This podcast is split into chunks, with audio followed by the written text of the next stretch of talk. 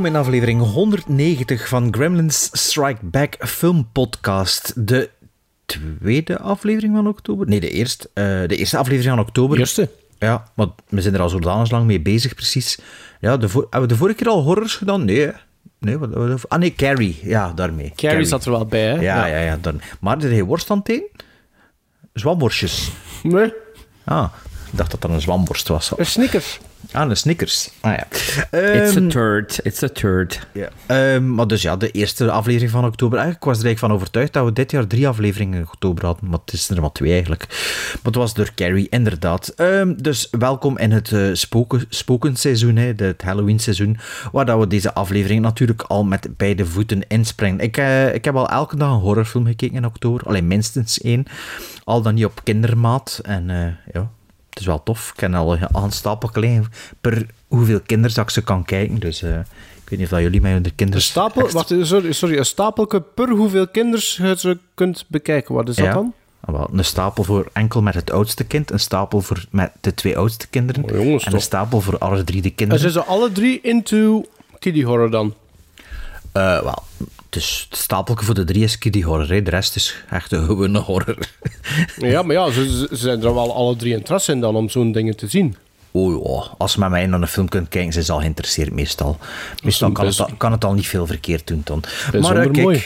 ja, voilà, kijk. Dus eh, in deze aflevering gaan we alvast eh, in, het, eh, in ons segment eh, Tree of No Kind drie eh, eh, films bespreken die horror gerelateerd zijn. hè. Dat, moest, dat was toch, hè? Was dat? Ja, ja, dat was dat. Ja, Ja, Ja, natuurlijk. ja, dus een nieuwe film, een oude film en een cult of exotische film of een cultfilm, dat zal nog blijken. Eh volg ons altijd nog altijd op Instagram en op Letterboxd. Ik weet niet, Maarten, heb je belofte gehouden de vorige keer?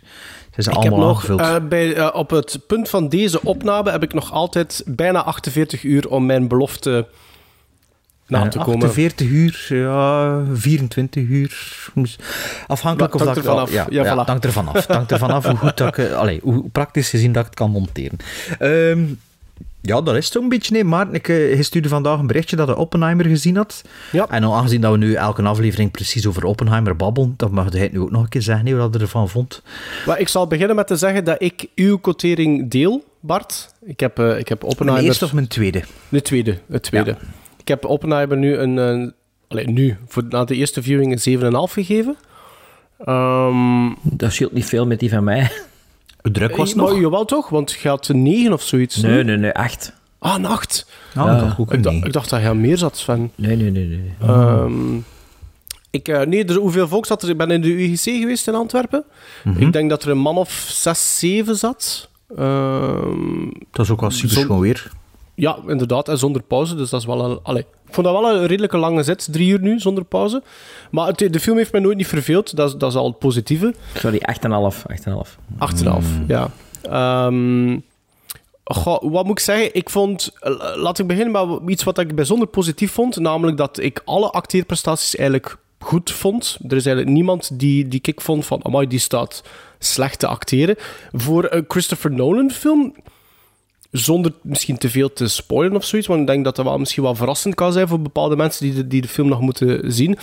Ehm, er zaten daar gezichten in die ik zo niet had verwacht voor een Christopher Nolan film. Het is precies of dat hij... dat niet spoilen, dit dan. Ja, Allee, nee, maar het is precies alsof dat hij in een andere pool heeft staan vissen of zoiets voor, op, voor Oppenheimer. Ik weet dat niet. De- ik was Ik er denk daar dat aan hij heel zijn poel heeft en dat hij dan moest ergens anders nog gaan vissen. Dat Nee? kan ook. Maar ja, maar ja, maar dat wil daarom niet zeggen dat er bepaalde mensen niet kunnen terugkeren. Hè? Van vroeger. Allee, snap Allee, je? maar, ja, maar Nee, maar ik vind, ik vind dat, ik vind dat, ik vind dat, niet, ik vind dat niet, niet slecht of zoiets, maar ik had zoiets van, amai, en die komt erin van, amai, dat had ik niet verwacht. Ik zei het, ik ken niks tegenwoordig meer over de films dat ik naartoe ga. Hè. Ik, ik- dus dus dat, was wel, dat is wel opmerkelijk, maar positief, vond dat wel leuk. En ik vind dat er daar heel goed in geacteerd wordt.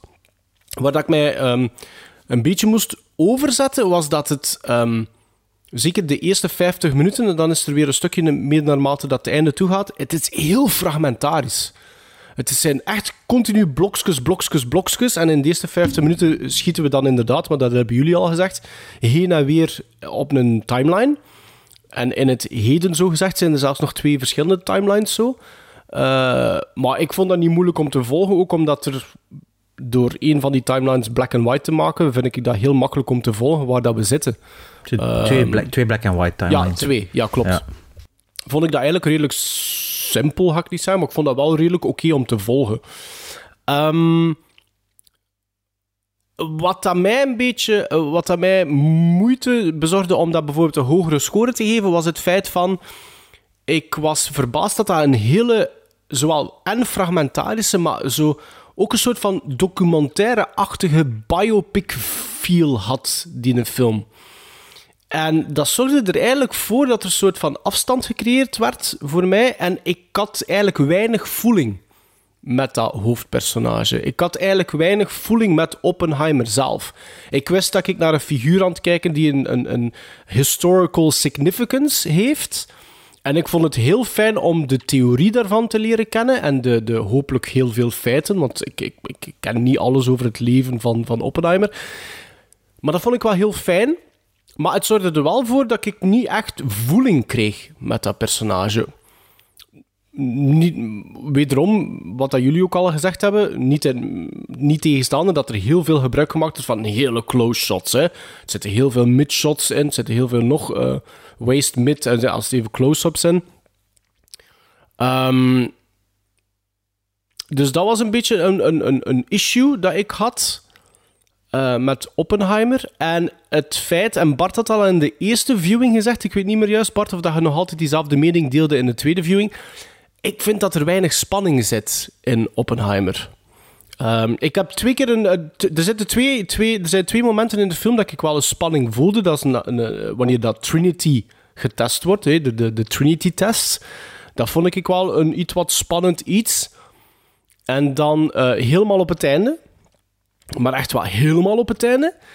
Maar ik vond de feel van die laatste 10 minuten, vond ik dan eigenlijk een beetje haak staan op alles wat dat er daarvoor gebeurd was. Qua montage, qua muziek die aan het opzwellen was, qua montage, qua... qua ehm, ik weet het niet. En ik, vond, ik had het daar een klein beetje lastig mee, omdat ik zoiets heb van, hm, dat is wel niet wat dat je daarvoor gedaan hebt, of, of zo, op, op, eh, op een bepaalde manier. Dus heb ik, ik, ik heb vond een- alleszins de eerste keer niet zo spannend. De tweede keer...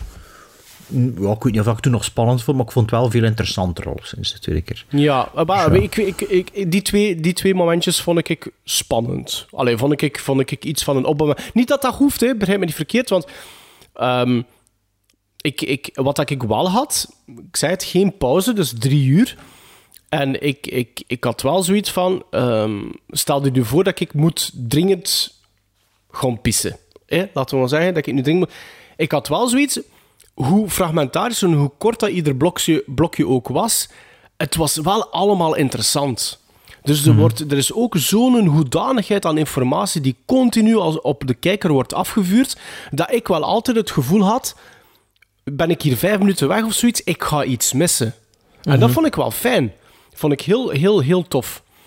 Ehm, een laatste puntje wat ik wel nog wil zeggen, wat dat mij wel opgevallen is, is dat er bepaalde stukjes dialoog, omwille van het feit dat het precies voor mij allemaal blokjes zijn en dat dat eigenlijk redelijk snel allemaal vooruit moest gaan, voelde voor mij wel sommige dialogen niet echt ehm, geloofwaardig en accuraat aan.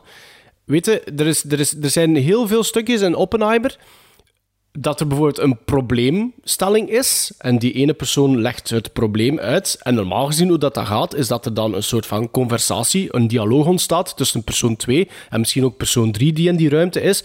En dat is, als je dat in, in normaal leven doet, is dat een conversatie van 5 of 10 minuten.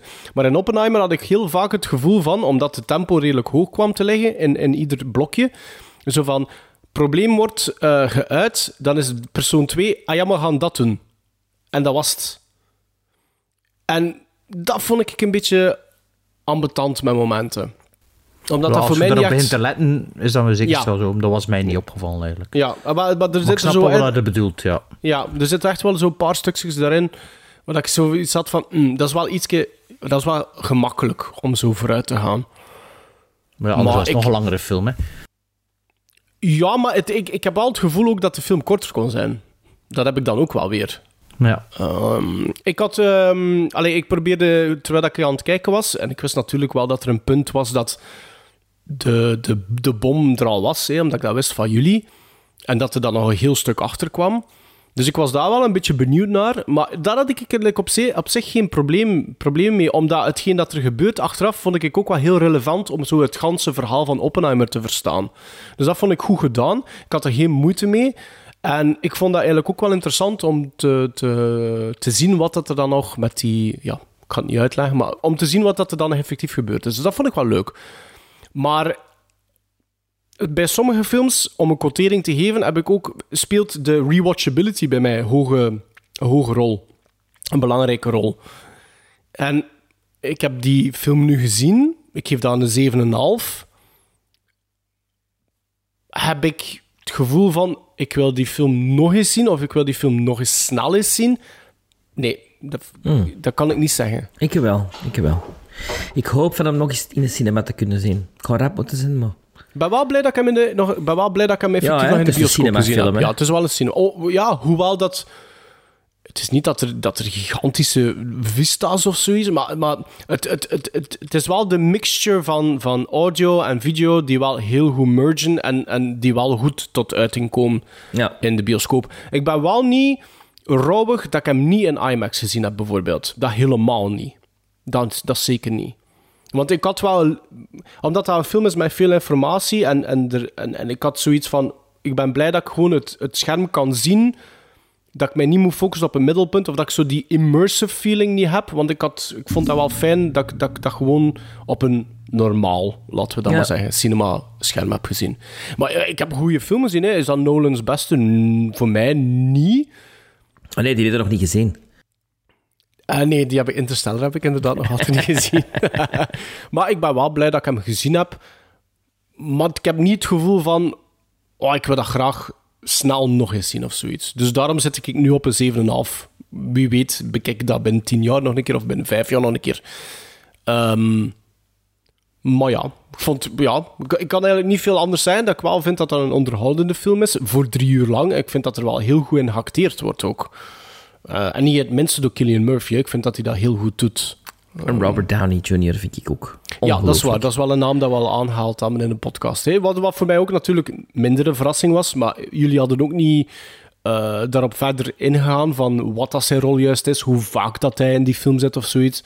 Dus, eh, maar ik vond dat hij dat heel goed deed. Ja. En ik vind die laatste 50 minuten van hem vind ik wel heel, heel goed. Van Robert Downey Jr. Ja. Ja. Ik vond dat wel dat feit. Dat is misschien nog een klein iets dat ik wil aanhalen. Er is een bepaald personage die ook in de film zit. Een historisch personage. eh, die zo vier, vijf keer zijn opwachting maakt. En er wordt daar vaak naar gehint van... Wat zou er daartegen gezegd geweest zijn door Oppenheimer tegen dat personage? En ik snapte eigenlijk niet die...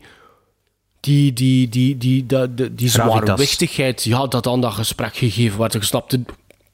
Zelfs wanneer dat, dat dan uitkomt, dat ik zoiets van... Ja... Dat- het gaat niet over dat gesprek, het gaat over de interpretatie van het gesprek. hè. Ja, wa- het, gaat over de, het gaat over de vraag wat dat er gezegd geweest is in het gesprek door een bepaald personage. En we kunnen dan alleen maar, ik als kijker, ernaar uitgaan dat als we het op een, moment, op, op een gegeven moment te weten komen, dat dat ook wel zo was. En dan vind ik dat een beetje te, te mager om daar vier keer of zoiets naar te refereren eh, binnen die film. Maar dat is misschien mijn mening, mijn persoonlijke mening. Maar kijk, een 7,5 is geen... Ik, zei goed, ik heb zeker geen slechte film gezien, hè, verre van. En je moet het ook maar doen, hè, voor een drie uur durende film, dat echt wel voor misschien wel 96% volgestouwd zit aan informatie. Dus, ça va. En, en ah, ik was bij, op een gegeven moment was ik mij aan het, aan het, eh, aan het afvragen van... Fucking hell, als dat echt storyboard accurate is, die film... Dat al die shots ges, de, ehm, eerst via een storyboard, dan denk ik van... Jesus Christ, maar... Dat is niet zo, want Christopher Nolan werkt zo niet. Nee, Nee, nee, nee. In, in die eh, zomergast met Hoyte van Hoytema is dat ook duidelijk dat hij niet zo werkt. met storyboards. Nee, met crucial storyboards. scenes.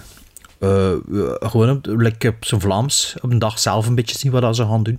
Ah, oké. Want dat is onze set, dat zijn onze scènes. Hoe gaan we dat draaien? is niet in alle Vlaamse hè, Bert. Nee, nee, nee. nee. Ik heb al gewerkt met regisseurs die super voorbereid zijn, alles uitgetekend zijn en niets, niets aan het toeval overlaten. Ja, maar ik ook, maar ja. Soms moet een beetje durven gaan, hè. Dus ja, ik ken er Ja, ook maar dat, is, dat is soms, ja, maar soms is het hier vaak een eh, ding Ja, van... eh, te- eh, we gaan niet zien wat we gaan doen, omdat ze de dag ervoor hebben hoesting aan. voorbereid. Ja, ja, dat is waar. Three of no kind.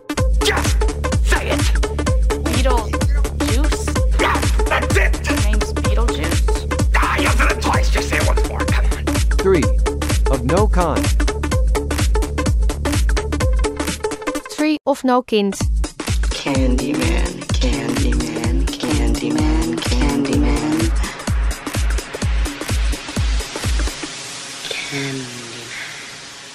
Gremlins Strike Back. 3 of No Kind, de Halloween editie. Uh, we hebben dus elk een film gekozen uit het, onze specifieke Three of No Kind eh, segmenten, namelijk Classic eh, en Old, New... Nee, het is eerst nieuw, hè. Nieuw, Hij is-. Ja, Nieuw, nieuwer, Classic Ja. Old en Cult, Cult Exotisch. Ja. Zo is het, hè? Ja. En ik eh, had de eer om eh, de nieuwe film te kiezen, waar ik eh, blij mee was. Ik heb dat ook laten blijken vorige keer. Eh, omdat het er een film was die ik absoluut eh, wou zien, namelijk No One Will Save You. Een film van 2023 van een uur en 33 minuten. Wa- la- te zi- laat ik er maar bij zeggen, je had twee films dat je moest voordragen. Het was heel duidelijk dat je Dienen heel graag wou zien. Ja. En dat Ja. een andere zoiets was van, goh ja. Hè? Ja. Moesten ze dan die andere kiezen? Pff, ja. Nee, de andere was... was eh, Last Night in Soho, hè? Last Night in Soho, dus ja, ja, dat is waar. wat ja. ik al twee keer heb gezien. Dus. Ik heb trouwens besteld vorige week, Last Night en zo. Het is juist. Dit Dus deze No One Will Save You eh, is te zien op eh, Disney+. Plus. Hij gaat over een Bryn Adams. En zij vindt troost binnen de muren van het huis waar ze is opgegroeid. Op een nacht wordt ze echter gewekt door vreemde geluiden. Ja. Runtime? Heb ik gezegd, een uur Ja, 33. ja, de het is echt- regie, Ah, is van, regie is van Brian Duffield. Eh, en de hoofdrol eh, wordt gespeeld door een actrice, Catlin, wacht, hè, Caitlin Dever. Ik wil altijd Denver zeggen, het is Caitlin Dever, die je misschien zou kennen uit Booksmart, of Ticket to Paradise, Ah, of ja, Dope. Sick. Ja. En in de volgende Taika, Taiki Waititi-film te zien is Next, Next Goal, Wins. Wins. Ah, Ja. Speelt u mee. Ja, ik mag beginnen. Hè. Ehm eh, gaat dat goed verkocht? Sven? Had dat heel goed verkocht zelfs? Ja, een goede affiche ook, hè. Ja, die meningen zijn verdeeld. Ik, ja, ik vond dat geen lelijke affiche. Eh geeft natuurlijk allee, achteraf, want ik heb eigenlijk die affiche op... Ik wist dat dat iets te maken had met een licht of zoiets. Ehm, achteraf gezien eh, zou die film... Allee, als je de posten ziet, zegt dat wel iets over, over de content van de film. Maar zover zat ik niet. Dus ik ben eigenlijk gewoon die film begonnen. En ik vond dat wel een intrigerend begin hebben. Die No One Will Save You. Eh, ik zeg er wel bij dat ik na 15 minuten moest ik even stoppen, pauzeren, want ik heb de ondertiteling moeten afzetten. Want op Disney Plus, ik weet niet of dat... Engelse dat- ondertiteling. ja, omdat ik, ik bekijk die dan met closed caption. Ja, ja. voilà. En ik kwam een beetje zot, want er kwam eigenlijk continu op dat beeld eh, ofwel panting, ofwel warbling, ofwel whispering, ofwel eh, iets anders. Ehm, dus ik heb dat moeten afzetten, want ik werd er een beetje eh onnozel van. Maar ik vind... het- Maar het- dat is niet erg, want veel dialoog was er niet. Nee, dat klopt. Maar ja, maar ja net omdat er niet, niet veel dialoog was, kwam dat om de havervoet, was er wel geheig eh, dat er op die subtitlings kwam. En dat vond ik zo'n beetje storend. Dus dat heb ik afgezet. Ehm, de film is een beetje opgebouwd in diverse blokken. En meestal eh, is een blok eh, een day en een night. Eh, zo gaat de film een beetje, een beetje verder. Ehm, de eerste day vond ik oké. Wat ik zeg, ik vond dat wel intrigerend. Die eerste avond, als je dat op zich heel bekijkt, vond ik wat te lang duren. Maar wel met een relatief bevredigende climax. Ja, ik weet niet hoe... Ik vind dat eigenlijk een moeilijke film ook voor veel dingen over te zeggen. Want eigenlijk het minste wat er gezegd zijn eigenlijk spoilers, vind ik. Ja, je moet wel zeggen waarover dat gaat, hè. Allee, Dat vind ik Ja, dat er wel. creatures zijn, bijvoorbeeld, kunnen zeggen. Ja, oké. Ja. ja, ja. Dus op een gegeven moment, ja, inderdaad. Dus de, in de eerste avond, eh, zoals dat Sven al zei, ze hoort geluiden en die geluiden zijn afkomstig van eh, creatures. Ehm, de climax van die eerste avond vond ik bevredigend, maar het begon al redelijk snel wat te slabakken, die film voor mij. Want we komen te weten dat ons hoofdpersonage een, een verleden heeft. En ik dacht toen eigenlijk al op dat moment dat die pacing voor mij in die film om, allee, omtrent dat verleden niet goed ging zitten.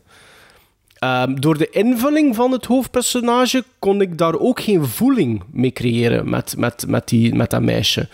Eh, en als je geen voeling hebt, heb je niet echt een dreiging dat er gecreëerd wordt. Want in tegendeel, ik hoopte op een gegeven moment dat er eigenlijk veel sneller zou gebeuren wat dat er uiteindelijk in de film ook wel gebeurt. Maar ik hoopte dat dat veel sneller ging gebeuren, gewoon in de hoop om zo wat extra gravitas te geven aan dat personage, om voor mij een meer een volwaardig eh, karakter eh, te creëren, waar dat ik dan wel eventueel emotioneel of wat dan ook iets van voeling mee zou krijgen. Eh, nu dat we geestablished hebben dat, dat, dat er creatures in zitten, ik vond look en feel van die creatures vond ik wel goed.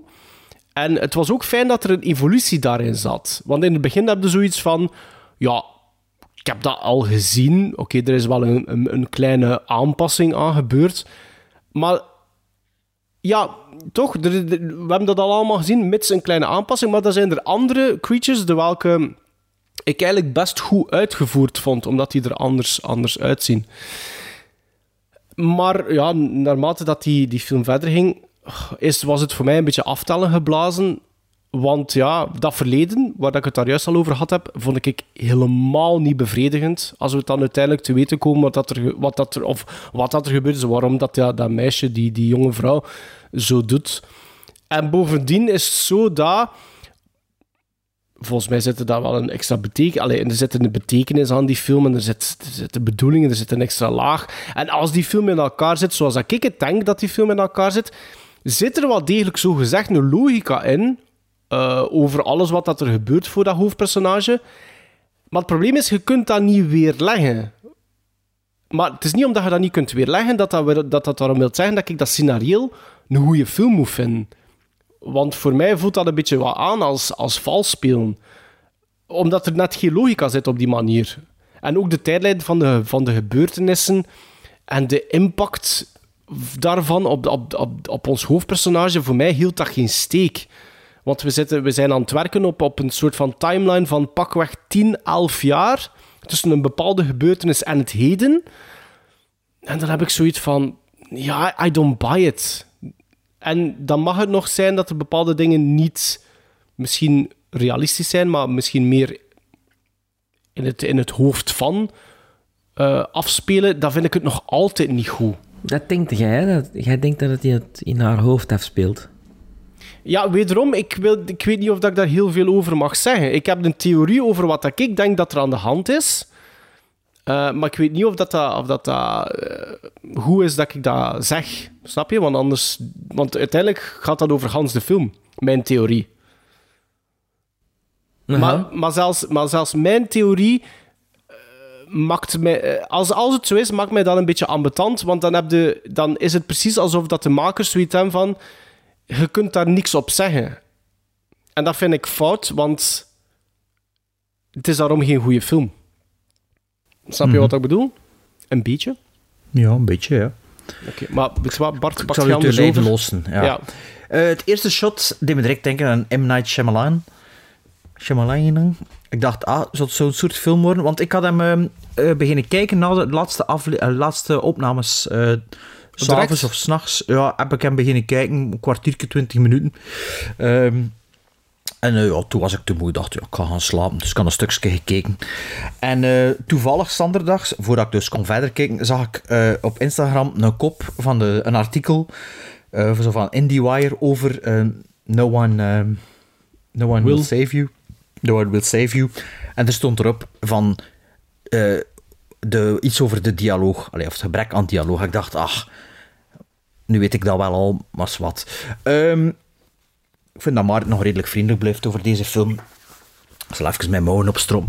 Eh, om te beginnen, dus in die Dat is eerste wel 20 moeilijk, want je minuten... hebt een t-shirt aan, maar ik vind dat wel Ja. heel, heel stoer van u. Kijk, voilà, ze zijn opgestropt. Zo Ja, moeilijk is dat niet. Ehm, Hooligan. Ja. De- dus inderdaad, maar die ondertiteling, dat, was, dat heb ik hier ook letterlijk eh, genoteerd van, als je dat afzet, is al ietsje beter. Als er wat actie is, is er ook wel iets eh, van te zeggen dat dat minder stoort. Maar godverdomme, die eerste 15 minuten werd er alleen maar geacteerd door te sniffelen, door te zuchten, door te snuffelen, door, door een jonge fitte vrouw die buiten adem is. Sorry, maar dat is mega slecht regisseren. Hè. Als uw stuk van die film is dat er geen dialoog hebt, is dat niet hoe dat iemand regisseert. Dat, die, die actrice op zich, die kan acteren, maar wat, die staat er heel. Oh, oh. Sorry, maar daar, daar verliezen we al bij. En ik vind dat sowieso is al een, be- is een beetje iets wat me aan het ergeren. Acteren met zuchten en blazen, zelfs in het echte leven, vind ik dat al dwaas. Maar hier, eh, dat was echt... Op een gegeven wat soap acteren. maar echt, hè. Soap acteren en zo. Ah, het einde van de scène. Maar dus, toen dat we al aan het ergeren, toen dat we aan het ergeren waren... Ja, op het einde van de scène. Toen dat dus al aan het ergeren waren, wist ik nog niet dat Hans de film zonder dialoog was. Dus, zandags zing, die, zing ik dat zo, ja, dialoogloze film. En dacht ik, oh nee, nee. Dus ik had het dan, eh, denk dat ik de dag daarna verder gekeken heb. Toen begon ik met te ergeren aan dat interieur van dat huis, dat vol staat met Maison du Monde shit. Dat is gewoon precies... Een, het het is niet, het is een keer niet Ikea, nee, het is allemaal Maison du Monde. Dat Overal is een dat je bedoeling. kijkt... Dat heeft een bedoeling. Ja, dat is de bedoeling, dat is de bedoeling. Eh, Ja. Het creature design, toen dat suggestief was, vond ik het cool. Maar toen dat het volledig ziet en alle variaties erop, vond ik echt, echt dwaas. Dat was echt van, allee, dat ik nu nog, dat, heb- dat heb ik nu ook al gezien. Ik vind, er zit superveel domme, geforceerde suspense in die film. Absoluut. Die een creature, die, dat is precies, wanneer dat er te doen, kan hij niet meer doen wat hij wil doen of doen. En dan dan zo plots, als het dan dan zo uitkomt voor het verhaal en de personage, dan, Dan kan hij wel, ja. dan kan Ja, hij van alles Ja. doen. Dan is er zo, dan is er is zo dat- de Shining op de voordeur Maar het, slaan. is dat, maar het is dat ik bedoel. Je kunt er...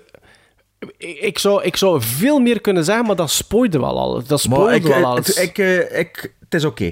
Eh, als je hebt dan zo'n grotere creature ja. en ze, ze loopt er dan van weg, dan ben je zo, maar ik bedoel, drie stappen en die, dat creature is er. En die kan En er die niet wacht. pakken. kan er niet pakken. Toen de titel van de film, ja, we zijn er vet mee. Allee ja, no one will come to save you. Na, na 30 minuten in de film weet je ook van, ja, er gaat niemand anders komen. Nee, want ja, er, het is, het is, het is zo'n stuk dat er geen dialoog is. Een stuk zeg ik, want er zijn momenten dat er wel perfect dialoog zou kunnen zijn, om dan er andere personages te Maar toen wordt er zo'n draai aan gegeven, voor dan toch dat er toch niks gezegd wordt. Zo van, ja, eh, na 30 minuten heb ik om de 10 minuten op een horloge gekeken, hoe lang dat nog was. Ik vond dat stronte vervelend, maar echt.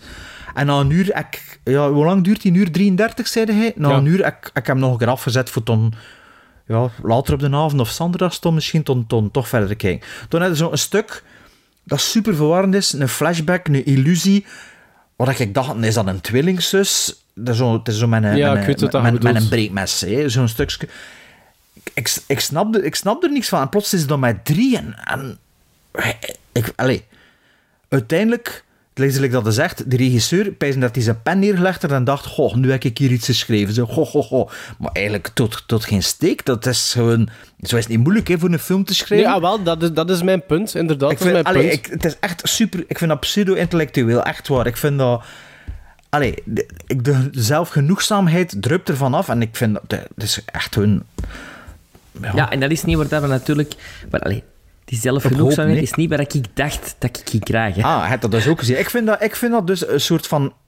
Ja, nee, ik kan niet zeggen welke film, want dan weet je misschien wel meer als je dan toch geïnteresseerd bent. Maar het als zo uit een afvalcontainer van de Aldi, wat er al iemand in gegrabbeld heeft voor wat er nog gebruikt is. Dat is bruikbaar is. Het is, echt, het is zelfs niet van de Aldi. Ik, vind Ik snap ook- echt ik waar- snap- ik snap ook niet geschreven, nee, bepaalde- dat, voor mij is dat het slechtste dat ik gezien heb sinds de Zeven Vrekers. Of de Zeven Vrekers. Oef, ik vond wow. dat echt walgelijk, die film. Vooral omdat het zo zelfgenoegzaam is. En, sorry, schrijf eerst een deftig scenario, hè, voordat het probeert eh, zo te doen. Allee, Ja, ik snap ook niet bijvoorbeeld van die bepaalde det allee, details. Niet, dat zijn niet zelfs die details op een gegeven moment. Alles wat dat die in die film eh, op een gegeven moment vastneemt, weten dat dat weer tot uiting gaat komen. Dus inderdaad, op een gegeven moment pakt hij een breekmes vast en ik zo van, oké, ik zit erop te wachten, hè, want ik weet dat het gaat komen. En als het dan gebeurt, Maar ik zoiets toen van... dat gebeurt, allee, was ik waarom... het niet meer aan het verwachten. Ik was zodanig in de war door die scène. Ja, Ja, Ja, nee, ik wel. Ik, Want, er is al ook- sprake van een moeder en er is sprake van een vriendin. En duur wist ik het ook niet meer, zo hoe dat Maar zat. dat, dat eh. zorgt ervoor voor mij inderdaad dat ik nooit ook geen dreiging kan voelen, want dat personage interesseert mij voor geen moer. Dan heb ik zoiets van... En dan, en dan, dan, dan is het probleem dat je die lijn nog verder doortrekt. Want als het personage u niet interesseert, dan heb je zoiets van... Oké, ik weet dat de, wat dat de bedoeling is van die creatures, maar als je het zo aanpakt, ja, dan gaat het inderdaad nog... Kan het evengoed nog drie uur duren, hè, vooraleer dat En je je, je kunt, je kunt makkelijk oplossen, hè. Natuurlijk, Kijk, want- een tweede personage en dialoog en je hebt veel meer betrokkenheid. Maar niet alleen dat, maar als je met die, al die, die diverse creatures zit, waarom moeten die allemaal one-on-one gaan? Ah, ja, ja, Als dat ja, de bedoel- ja. ah, ja. Ja, je, kunt, je, kunt die, je, kunt, je kunt godverdomme zeker 40 minuten uit die film knippen. ah ja, toch? ja, het, het was, het was Sven zijn film. Sven is aan het Ja, sorry, om ons tegen te spreken. Nee, Het is eigenlijk Sven dat je dat supergoed vond, hè? Maar nee, ik wist dat niet op voorhand natuurlijk. ja, nee, ja, Ik- nee, nee, natuurlijk niet. Ik zag die affiche, ik dacht, oh, wat leuk. En, en ik, laat op, ik las de premisse en ik dacht, oh, dat is right up my alley. En dat begint. En ja, dat begint eigenlijk zoals dat je al duizend keer een film hebt gezien die zo begint.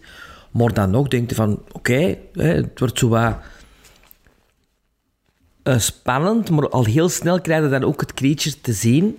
En dan denk ik, ah, dat is jammer. Ik had dat liever nog wat eh, in de schaduw zich laten afspelen. Ehm, en het, het, het, het feit dat er geen dialoog is, vond ik in het begin eigenlijk een pluspunt. Ik dacht van, ah, oké. En al kwartier in de deur, er gaat niet veel dialoog komen. En op de deur begint dat tegen te steken. Maar echt Absoluut. tegen te steken. Zo van... je wilt echt dat iemand iets zegt, al is het het creature dat iets zei.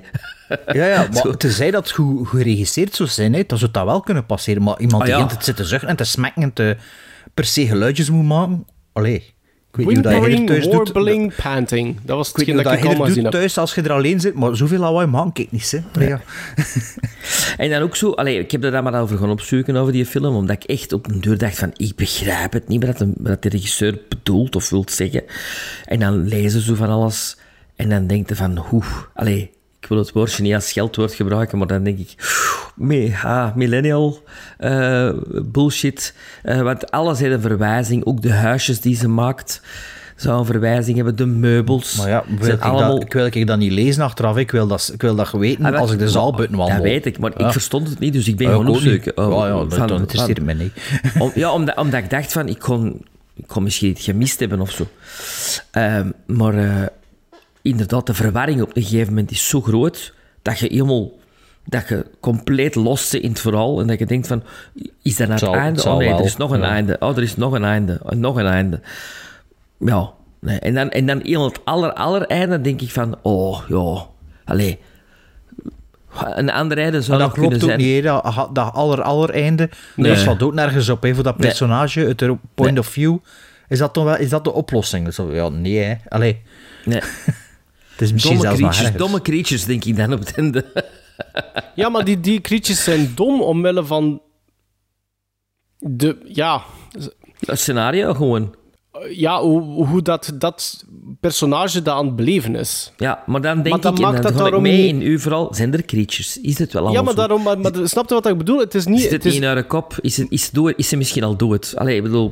Ja, maar, maar zelfs dat, maar zelfs dat we kunnen, we kunnen, ik heb mijn theorie, misschien hebben jullie een andere, maar dat, dat, Nee, dat, geen energie gestoken. nee, maar dat draagt niet bij tot het feit van, ik heb nergens geen dreiging gevoeld. Dus ik heb eigenlijk, eigenlijk het enige wat ik gedaan heb, is, is gewacht om te weten van, oké, hoe zit het nu juist? En Ja. de, de veel, Ik- veel ik- vragen blijven onbeantwoord, which I'm fine with, want ik ben wel iemand die daar graag zo'n beetje over nadenkt. Maar over, over uw female lead, als het dan uiteindelijk te weten komt wat dat er gebeurd is, dan heb ik zoiets van, oké, maar dit, dit is niet voldoende. Die, dat gewicht is niet voldoende voor die film als kijker rond te komen om al die verschillende dingen waar dat ik het moeilijk mee had, om dan nu om, op een gegeven moment op een ander daglicht of zoiets te beginnen zien. Nee, dat, dat, dat is niet voldoende. Dat is niet genoeg, goed genoeg geschreven daarvoor. Ja. Was het, eh, was, het- was het, eh, past het in de Halloween-sfeer? Ehm, nee. Nee. Een klein beetje wel. Een klein beetje wel. Ja. Ik, eh, ik ken ook al uiteenlopende dingen gezien op Letterboxd, maar eh, ja. zijn- Ja, zijn- zijn er mensen die dat echt goed vinden?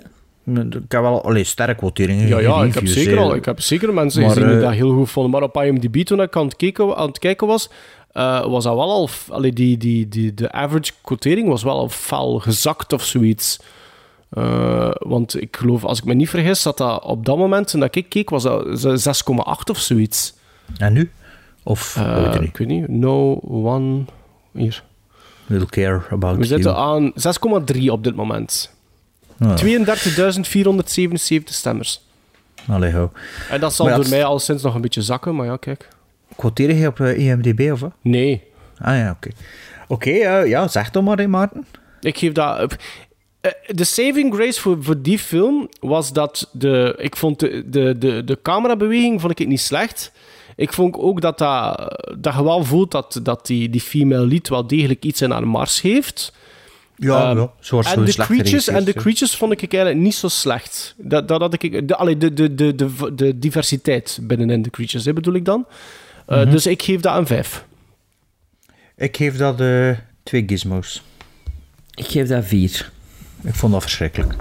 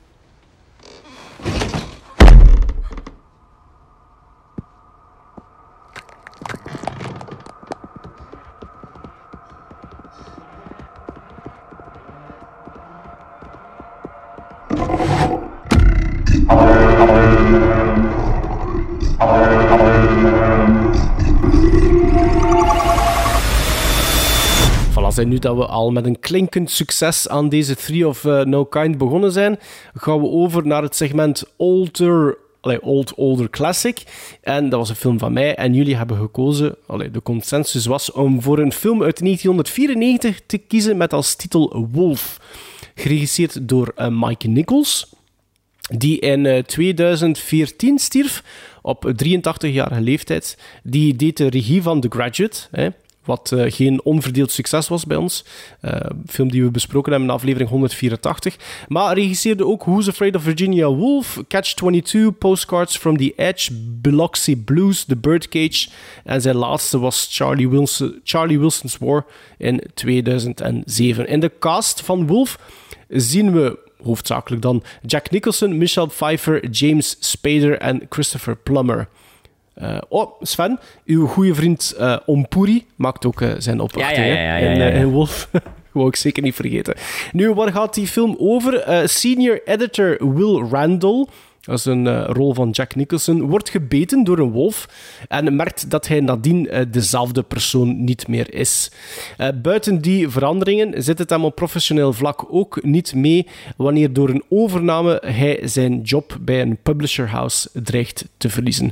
Wolf heeft een runtime van 2 uur en 5 minuten. Dat heb ik daar juist al, of de vorige aflevering al aangehaald, dat mij dat verrast had. Ik was dat vergeten. Voor mij dus duidelijk geen first-time viewing. Voor Sven ook niet. Voor Bart wel, dacht ik. Hè? Dus Bart mag Oh, beginnen. echt? Ja. Een first time viewing, ehm, Wolf. ehm, een film onlosmakelijk on, on, ehm, losmakelijk verbonden voor mij met de etalage van de videotheek. Ik zie die poster nog altijd hangen, Wolf. Ehm, ik heb het opgezocht. De film dat ik niet naartoe gaan kijken was destijds was eh, Shelley's Frankenstein, toen ik naar Disclosure geweest ben. Het was niet Wolf. Allee, als ik de timeline... Mary de- Shelley's. Mary Shelley's ehm, Frankenstein. Ehm, dus Wolf had ik nog nooit gezien. Eh, door toeval, niet dat ik er van weggebleven heb van die film. Maar ja, kijk, soms komt er niet op, op aan om een film te zien. En Wolf was dus zo'n film. Ehm, En de film begint met een, ja, een ongelooflijke begingeneriek. hè. Eh, niet per se hoe dat het eruit ziet, maar ja, van cast, en crew, dat is, dat is het een na het andere. Zo. Ja, Michelle Pfeiffer en, en allee, de, de mensen dat ik ken, het was, ah, Richard Jenkins speelt ook mee. En zo, ah, Umpuri, eh, de, de man die ik nooit zo gekend heb zonder de podcast of zonder Sven. Eh, Rick Baker, dan, ah ja, Rick Baker, dan de score Ennio Morricone, maar de muziek dat hoort is niet typisch Morricone. Het is zo wat Amerikaanser, wat we de Dus de vorige Morricone keer... van Bugsy en zo. Ja, ja, ja, die soundtrack En, ken van, ik ook en, en een beetje van die Untouchables. Een beetje dat Ja. soort thema zo. Ja, iets minder. Allee, en dan heb je nog Mike Nichols natuurlijk, dat we kennen van alle films dat Maarten juist opnoemde. En Jim Garrison, de, de, de scenarist, is ook En- een bekende. Ah ja, die heb ik niet genoteerd of opgezocht. Maar kijk, Ik ook en niet. Die, die sprongen we dan ook niet echt in het oog. Ehm, wat, wat heeft hij allemaal gedaan, Sven? Had ik zeggen. Dat weet ik niet, maar het is Ah, wel een bekende. Ehm, en ehm, de film ehm, ja, begint met zo'n soort proloogje, hè, waardoor dat eigenlijk Jack Nicholson, ja, dat is geen spoiler, hè, in een wolf eh, dreigt te veranderen, of een weerwolf. Ehm, dat wel oké was, maar ja, het eindshot ervan, dat was even zo van, oei, de, de- ja, ik weet niet of het CGI was, of dat gewoon getekend was, maar er was iets raars aan die close-up van die wolven. Dat is een puppet, wel- Ja, maar er, ja, een gevoel dat niet klopt, alleszins. Dat is waar. Eh, Het is hè, animatronic, hè? Ja, maar die, die, als ze zo inrijden op dat gezicht zo... dat is, Ja. dat is een animatro ja, puppet animatronic, hè. Ja. Ja, wat, het klopt niet. Wat er wel cool is bij dat shot, is dat er zo... De Wolfpack begint te ontwaren in de schaduw. Dat vond ik wel goed gedaan. Ja. Dat, is, dat, is, dat is cool Trouwens, sorry, ik wist dat ik hem van ergens kende. Jim Garrison heeft JFK geschreven. Ah. Ehm, dus ik dacht van, oef, het is top dat we de wolven niet te veel zien. Ehm, maar wat een Rick Baker al juist zien passeren, zijn naam. De, dus de, de make-up magier. Dus ik had er wel een goed, goed, goed oog op. Ehm, en die film begint en eh, het maakte me zo nostalgisch naar een soort film dat nu niet meer gemaakt wordt of bestaat zo. Als zo de higher budget speelfilm uit de jaren 90 zo. Waarbij dat ik wil zeggen, een, een goede cast die dat wel kan trekken. En dan zo'n bepaalde oudere Hollywood look en Ja. feel door een DOP die wat... Ja. Die van de old, old school is zo. Allee, ik, ken, ik weet nu niet meer wat hij allemaal gedaan heeft, maar het was al sinds die in het verleden al veel gedaan. En je voelt dat. Dat dat zo, die camerabewegingen en die, die look en, en die belichting, dat dat, dat dan een métier is, dat er is het. En waarbij dat er ook wel de tijd gepakt wordt voor personages te zetten en te introduceren en zo in, in simpele scènes. En ja, ik vond dat, vond dat wel tof, dat dat zo... Die, die film is een... ehm, eh, moet ik zeggen, is een doorsneeheid. Zo, zo'n typische jaren 90 speelfilmeligheid. Speelfilmelig, filmerigheid. Wist me zo wel direct te boeien. en Ik was wel mee in dat universum. En je voelde ook dan alle decors of alle gebouwen zo die realistisch zijn omdat ze allemaal wel iets gotisch zijn. Die, die kantoren en dat. Het huis van Christopher Plummer. Ja, heel goede art decoration. Hè. Ja, Al zo de, maar- de schilderijen die er hangen en Maar, zo. maar is, is, is zodanig een manier dat... eh, je, je merkt dat, maar je- dat valt niet op. Het is geen Tim Burton. Maar het wordt wel gedaan en daardoor ja, heeft dat een soort cachet misschien, die film. En toen begint de, de, eh, office, allee, de kantoordrama bij manier van spreken. En kreeg het dan eh, de broer van Fraser dat geïntroduceerd wordt. En dan Ja. James Spader en, en, en, en zo... En zijn en vrouw, vond- Kate, Kate Nelligan. En, en dan ook dingen, zei, eh eh, Sybil Faulty, eh, die dan zijn, de oudere eh schrijfster Maud. En ik zo, dat is Ja. toch van Fault Towers. Die vrouw had eigenlijk niet zoveel geacteerd, heb ik toen nog achteraf opgezocht. En ja, ik, ik vond dat eigenlijk... Ik vond dat eigenlijk plezant, die, die omgeving. Die intriges en toen dan zo... Ja, een paar van die dingen dat er zo... Ja, dat je nu niet zo denkt dat er komt, dat er dan een ontslag dreigt te vallen. En, en eigenlijk ging het dan niet meer over die wolf.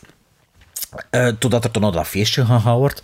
En toen dacht ik van, ah, ik kan, eigenlijk had ik, dacht ik altijd dat Wolf een soort zoveelste remake was van The Wolfman. Maar eigenlijk, behalve dat dat eigenlijk over een weerwolf had, is dat niet echt zo.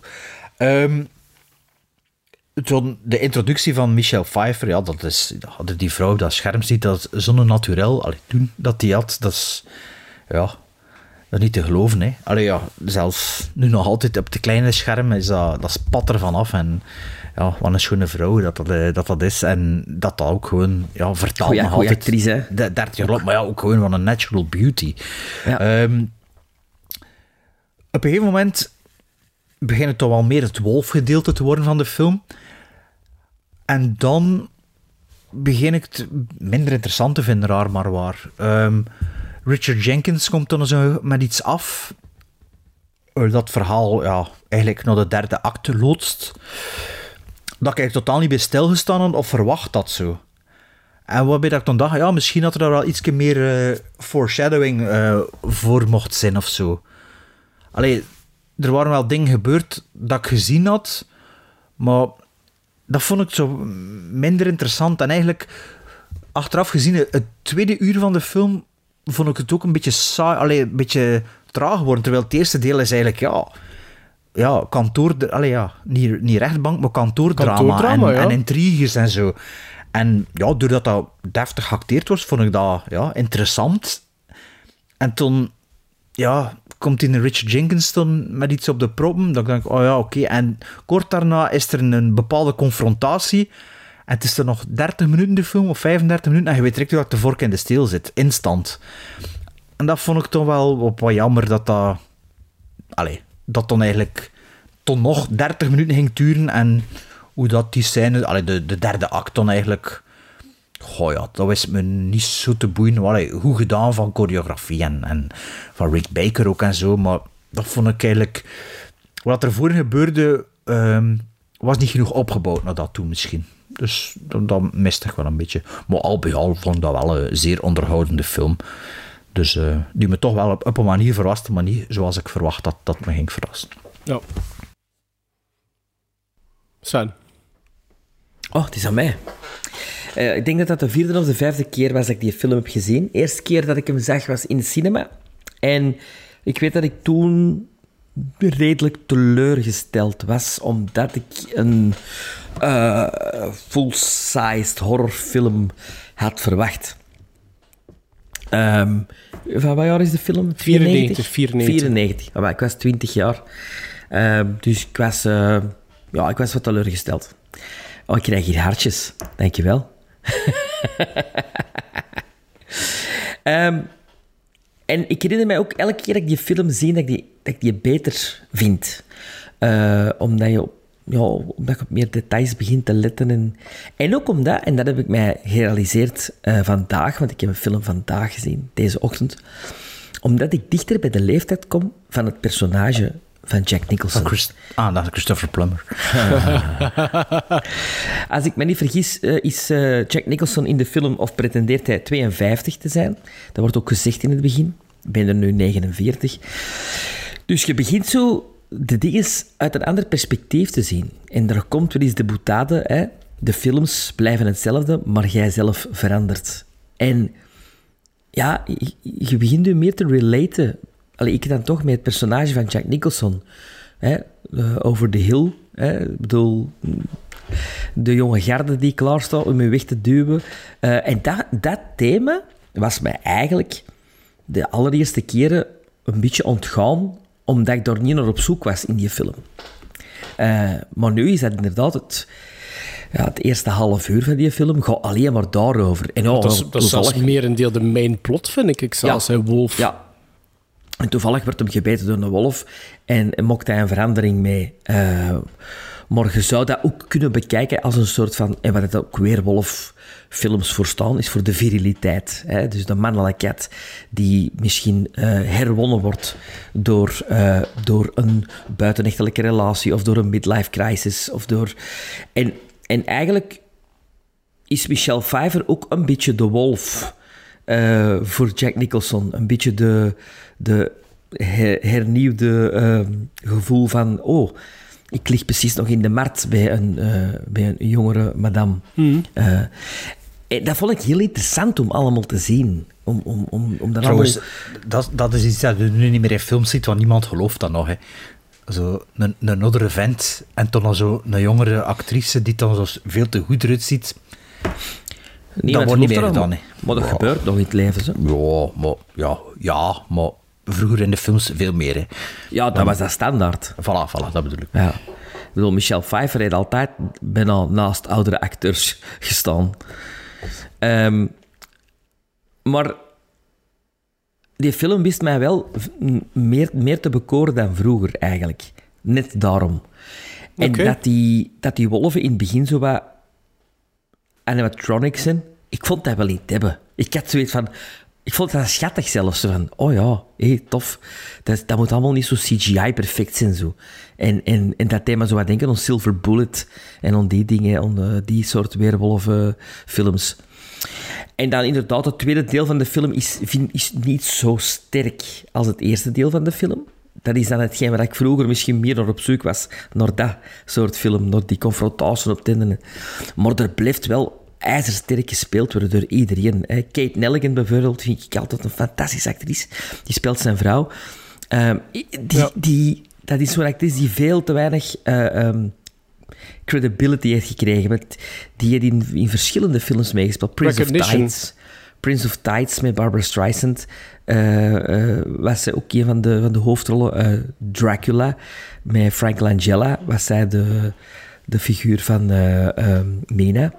Allee, gebaseerd op de figuur van Mina. Ehm, altijd een goede actrice gevonden. Altijd blij als ik die zeg. En ik was dat vergeten dat hij hierin meespeelde. Eh, maar Christopher Plummer ook. God, wat een fantastische acteur is dat toch. Al, al- alles wat hij speelt, dat is gewoon goed. Dus Ehm, Century à volonté met hem. Ja, absoluut. Ook de, die introductiescène. In, ik, ik vind de cinematografie ongelooflijk. Die, die, is, die is heel statig. Net geen dat Bart ook zei, maar in, in, die, in dat kasteel op die party, als Christopher Plummer wordt geïntroduceerd, die is zo, zo tijd terwijl te babbelen op camera en die, die maakt plots voor het volgende personage. En dan nog het volgende. Ik vind dat fantastisch gedaan. Dat is echt zo inderdaad een soort film ja, dat bijna niet meer gemokt wordt. Ehm, alle, alle edit eh, eh, trucjes die erin komen. Bijvoorbeeld dat ze hem gaan slapen en direct terug wakker werd. Dat is tof, eh, hè? Ja. Dat is Ja. leuk, hè? Dat is leuk. Dat is allemaal goed gedaan. Ja. Dat is echt, echt een, en een fantastische score van Morricone, vind ik. Echt een, een, een zeer romantische score van Maar Morricone. ook wel voor Mo- Morricone een subtiele score. Hè? Ja. Allee, Er is geen thema dat ik zeg, ja, dat is dat. Allee, wat mij betreft. Hè. Als, als, met- als, de, de, su- als de, mm, de suspension wordt opgebouwd, zit er zo dat rielke... Dat vond ik wel, dat, dat vond ik wel een redelijk goed thema, hoor. Ik vond dat wel... Maar ik zeg eh, niet dat het slecht is, hè, maar het is redelijk subdued en redelijk... Ja. ja, dat wel. Het is minder bombastisch. Ja, dat klopt wel. Ja. Dus ik was heel blij met deze rewatch, wil ik eh, tot, eh tot slotte zeggen. Ik ga niet zeggen dat ik meer of minder blij was, want eh, ik denk ook wel dat dat nu de vierde of de vijfde keer was dat ik Wolf eh, bekeken heb. En ik heb die als tiener zeker al drie of vier keer gezien. Eh, dus sinds toen was dat een rewatch die al long overdue was misschien. Maar ik zei het al tijdens de vorige opname, toen ik die twee films aan jullie gaf, waar, waar dat dus Wolf uit gekozen werd, ehm, dat ik verbaasd was dat die, die runtime van Wolf dat dat 2 uur en 5 minuten was. Want in mijn herinneringen als tiener was dat zo'n strakke 90 minuten of zoiets, die film. En zie daar al het eerste probleem dat ik nu ontdekte met die, met die rewatch, is dat die film eigenlijk te lang duurt voor misschien voor wat het maar is, of twee ook voor de keuzes die gemaakt worden ten opzichte van de verschillende verhaallijntjes die erin zitten. Ehm, er voelen ook wel heel wat aspecten van die film wat restrained aan, vond ik. En dat is eh, des te opvallender omwille van die runtime dan ook. Ehm, die... Ik vind persoonlijk de romance tussen Jack Nicholson en, en Michelle Pfeiffer, die mist wat diepgang. eh, om echt, echt, echt geloofwaardig te, te, te maken. Nu lijkt het enkel een soort van romance omwille van een gedeelde vijand te zijn. Ik miste zo wat meer eh, chemistry tussen die twee. Of meer aantrekkingskracht op diverse vlakken tussen die twee. Eh, om dat meer, allee, om dat geloofwaardiger eh, te maken. Rick Baker hebben we al een paar keer aangehaald, maar de effecten van, van, van hem zijn in Wolf eigenlijk ook eerder schaars te noemen. Hè? Want, want zeker als we, als we denken over de Rick Baker die we al kennen uit, uit andere films, Eh, wat dat daarom niet slecht is, maar als ik die naam zie staan in de opening credits, dan verwacht ik wel ietsje meer. Hè? Voilà. Ehm, en voor een film die zogezegd volgens IMDb een budget had van 70 miljoen dollar, eh, neem ik aan dat de salarissen wel een groot hap uit Dat die film ik ook hè, wel. uit het budget zullen genomen hebben. Maar voor de rest is alles wel... Het is daarom niet slecht, maar het is wel eerder aan de magere kant, vind ik. De cinematografie zit, zit oké, zit strak. Die art direction zit, zit oké. maar het is niet dat je naar die film aan het kijken zit en dat er bepaalde aspecten echt van het scherm zitten te spatten. Ik vind het wel een redelijk middelmatig... Daar kom ik op. Ehm, maar voor de rest is, de, is, is, is, is, is best mager, vind ik. De score van Morricone vond ik wel goed. En dan zeker, zoals ik dat juist zei, wanneer dat die spanning opneemt, dan is het echt zo... Ja, zo'n toontje wat... Dat vond ik wel leuk, eigenlijk. En dat komt er een paar keer in voor. Maar de saving grace van Wolf, zoals dat Sven dat juist zei, is absoluut de performances, hè, de, acteer, de acteerprestaties van eigenlijk iedereen. Ehm, en James Spader, dat weet ik nog van vroeger toen dat ik die, die film ettelijke keren zag. Maar nu nog altijd, ik vind die verschrikkelijk goed gecast. En ik vind die echt super geloofwaardig. Als, It's what he does, it's what als he does eikel, best. Het is een eikel en en he, he, he does it well. He does it Ja. well, James Spader. Ehm, er zijn wel een paar toffe visuele gimmicks die erin zitten. Wel, Jack Nicholson bijvoorbeeld, als je die bekijkt van in het begin en dan een half uur later, is dat al een andere Jack Nicholson. Die gaat een soort van fysieke transformatie. ehm, die Ook de kleuren van zijn kleren, hè. niet alleen, de kleuren, nee, niet alleen de kleuren van zijn kleren, hij loopt anders, hij is statiger, hij ziet er daardoor mm, slanker uit en zijn haar Zijn wordt haar. voller. Ja, ja, ja, Dus dat vind ik wel allemaal, dat zijn van die kleine dingetjes, maar dat vind ik wel heel leuk, eh, heel leuk eh, gedaan. Ehm, dus dat is niet alleen wanneer dat hij dan zogezegd een wolf wordt. Hè. Die transformatie is al zo merkbaar overdag, wanneer dat er geen eh, volle maan is. Ehm, wat heb ik hier nog genoteerd? Eh, het eindgevecht vond ik wel leuk. Het laat wel een beetje te lang op zich wachten. Ehm, en Richard Jenkins is natuurlijk altijd een, een, een tof extraatje. Wat als Sven ook gezegd heeft, ik deel uw mening daarin, Sven. Er is, er is inderdaad wel een, een, een, een aparte verhaallijn over age difference en, en eh, interactie eh, van de mens versus andere mensen in diverse privé- en professionele eh, situaties. Dat merk ik wel in Wolf. Misschien ook meer nu dan als tiener. Eh, Zeker op relationeel vlak. Ehm, maar wat dat mij wel opviel, is ik vond het een, een vlakkere film dan dat ik, dan dat ik, dan dat ik vroeger vond. Dus bij mij is de film... Oh, wel, ik weet niet wat dat ik dat vroeger van quotering op plakte of zoiets hoor. Ik zou nu zeggen dat dat misschien een mindere rewatch is geweest voor mij. In tegenstelling tot voor u. En eh, ondertussen ben ik ook 20 jaar ouder. Hè. Ehm, Ja, ik had, die, ik had die niet zo direct terug opgezet, moest ik hem niet gekregen hebben hier in de, eh, in de podcast. En daarmee ben ik blij dat, eh, dat, ik- dat ik nu een beetje gedwongen ben om hem terug te bekijken. ja. Misschien is dat ook altijd een andere instelling. Dat kan, hè? Dat kan. Ik vind het nog altijd... Het is, het is, zeker, het is zeker geen slechte film, zeker niet. Maar het heeft wel een paar mankementjes, vind ik. Dat wel. Dat ik dat we al drie een beetje op dezelfde lijn zitten, sowieso. Dat denk ik wel, ja. Dat Dus gaat dan misschien ook wel blijken, hè. hè? Voilà. Ja. Ik eh, geef dat zes gizmos. Ja. Sven? Acht. Huh? Ja, dan zitten we niet op dezelfde lijn. Ik geef dat 6,5. ja. Bart en ik wel. Ongeveer. ja. Dat is bij mij nooit een acht geweest, maar nu wel. Alleen no- nooit een acht geweest. In mijn herinneringen vond ik dat niet zo goed als ik dat nu go- zo goed vond. Ja, dat is altijd wel cool als je dan een betere Het kijkervaring omgekeerde, hebt. ja. A wolf bit me. I don't think so, Will. You weren't there, Will. Not all who are bitten change. There must be something wild within. You've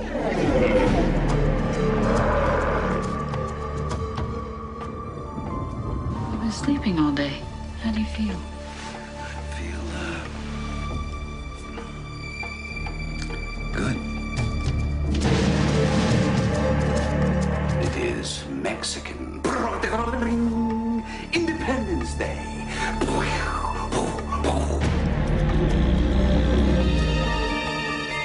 Never thought I'd meet a good man who looked at me the way you do. You don't know I'm a good man. Are You crazy? No. Just marking my territory. You got five new murders. What is there about a full moon?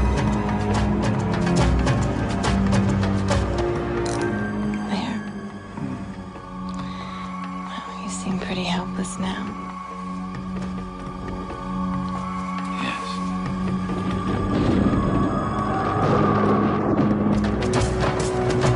Power without guilt.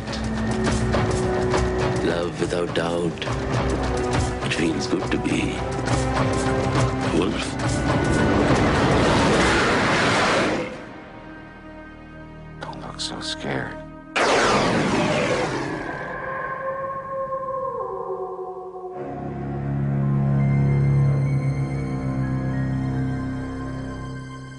De derde film was eh Cult Cult Exotisch. Eh, twee dingen zijn het alleszins, eh, de film die we nu gaan bespreken. Het is Cult, want ja, we, kennen het als een, ja, een film van Jamie, met Jamie Lee Curtis. Het is exotisch, want het is een Australische film. Hoewel de hoofdpersonages Amerikaans spreken, hè, toch? Bij mij. Jamie Lee niet, hè? Jamie Lee spreekt Is Australisch. Is Australisch? Ja. Ah, Ja. Is dat een Australische? Nee, maar nee, natuurlijk niet. Nee, Ja. maar ze speelt ook wel de dochter van een Australische eh Diplomaat. Ja. Ja, eh, het is dus een film, eh Road Games, had ik nog juist al gezegd, zeker. Een film van 1981 van Richard Franklin. En Richard Franklin had ervoor Patrick al gedaan. En na deze film deed hij een film die vorige aflevering aangehaald is, die we eigenlijk... die ik niet kende, en ik weet ook niet meer waarom dat hij ter sprake kwam, maar na Road Games deed hij The Pirate Movie. Waarom werd het aangehaald vorige aflevering? William Cat. Ja, voilà. William Cat. Ah, William Cat, ja. Eh, wat deed hij nog? Psycho 2, dat hebben we ook al ooit besproken. Een Link met de aap en eh, Fantastische FX2. film. FX2, een favoriet van Maarten. Is dat ook met Brian Dennehy de tweede of Ja. alleen Ja. de eerste? Ja. Een film van 110, eh, 101 minuten. 101 minuut. 101 minuten. 101 minuten. Minuten. Ehm, met onder meer Stacy Keach in de hoofdrol, Jamie Lee Curtis, Grant Page en Marion Edward. Eh, het is vooral Stacy Keach, Jamie Lee Curtis en Grant Page die de, de, in de film aanwezig zijn. Waarover gaat Road Games nu? Een sadistische seriemoordenaar blijkt de Australische snelwegen onveilig te maken. Chauffeur Quid, gespeeld door Stacy Keach en Lester, Lester Hitch, gespeeld door Jamie Lee Curtis, proberen hem te ontmaskeren.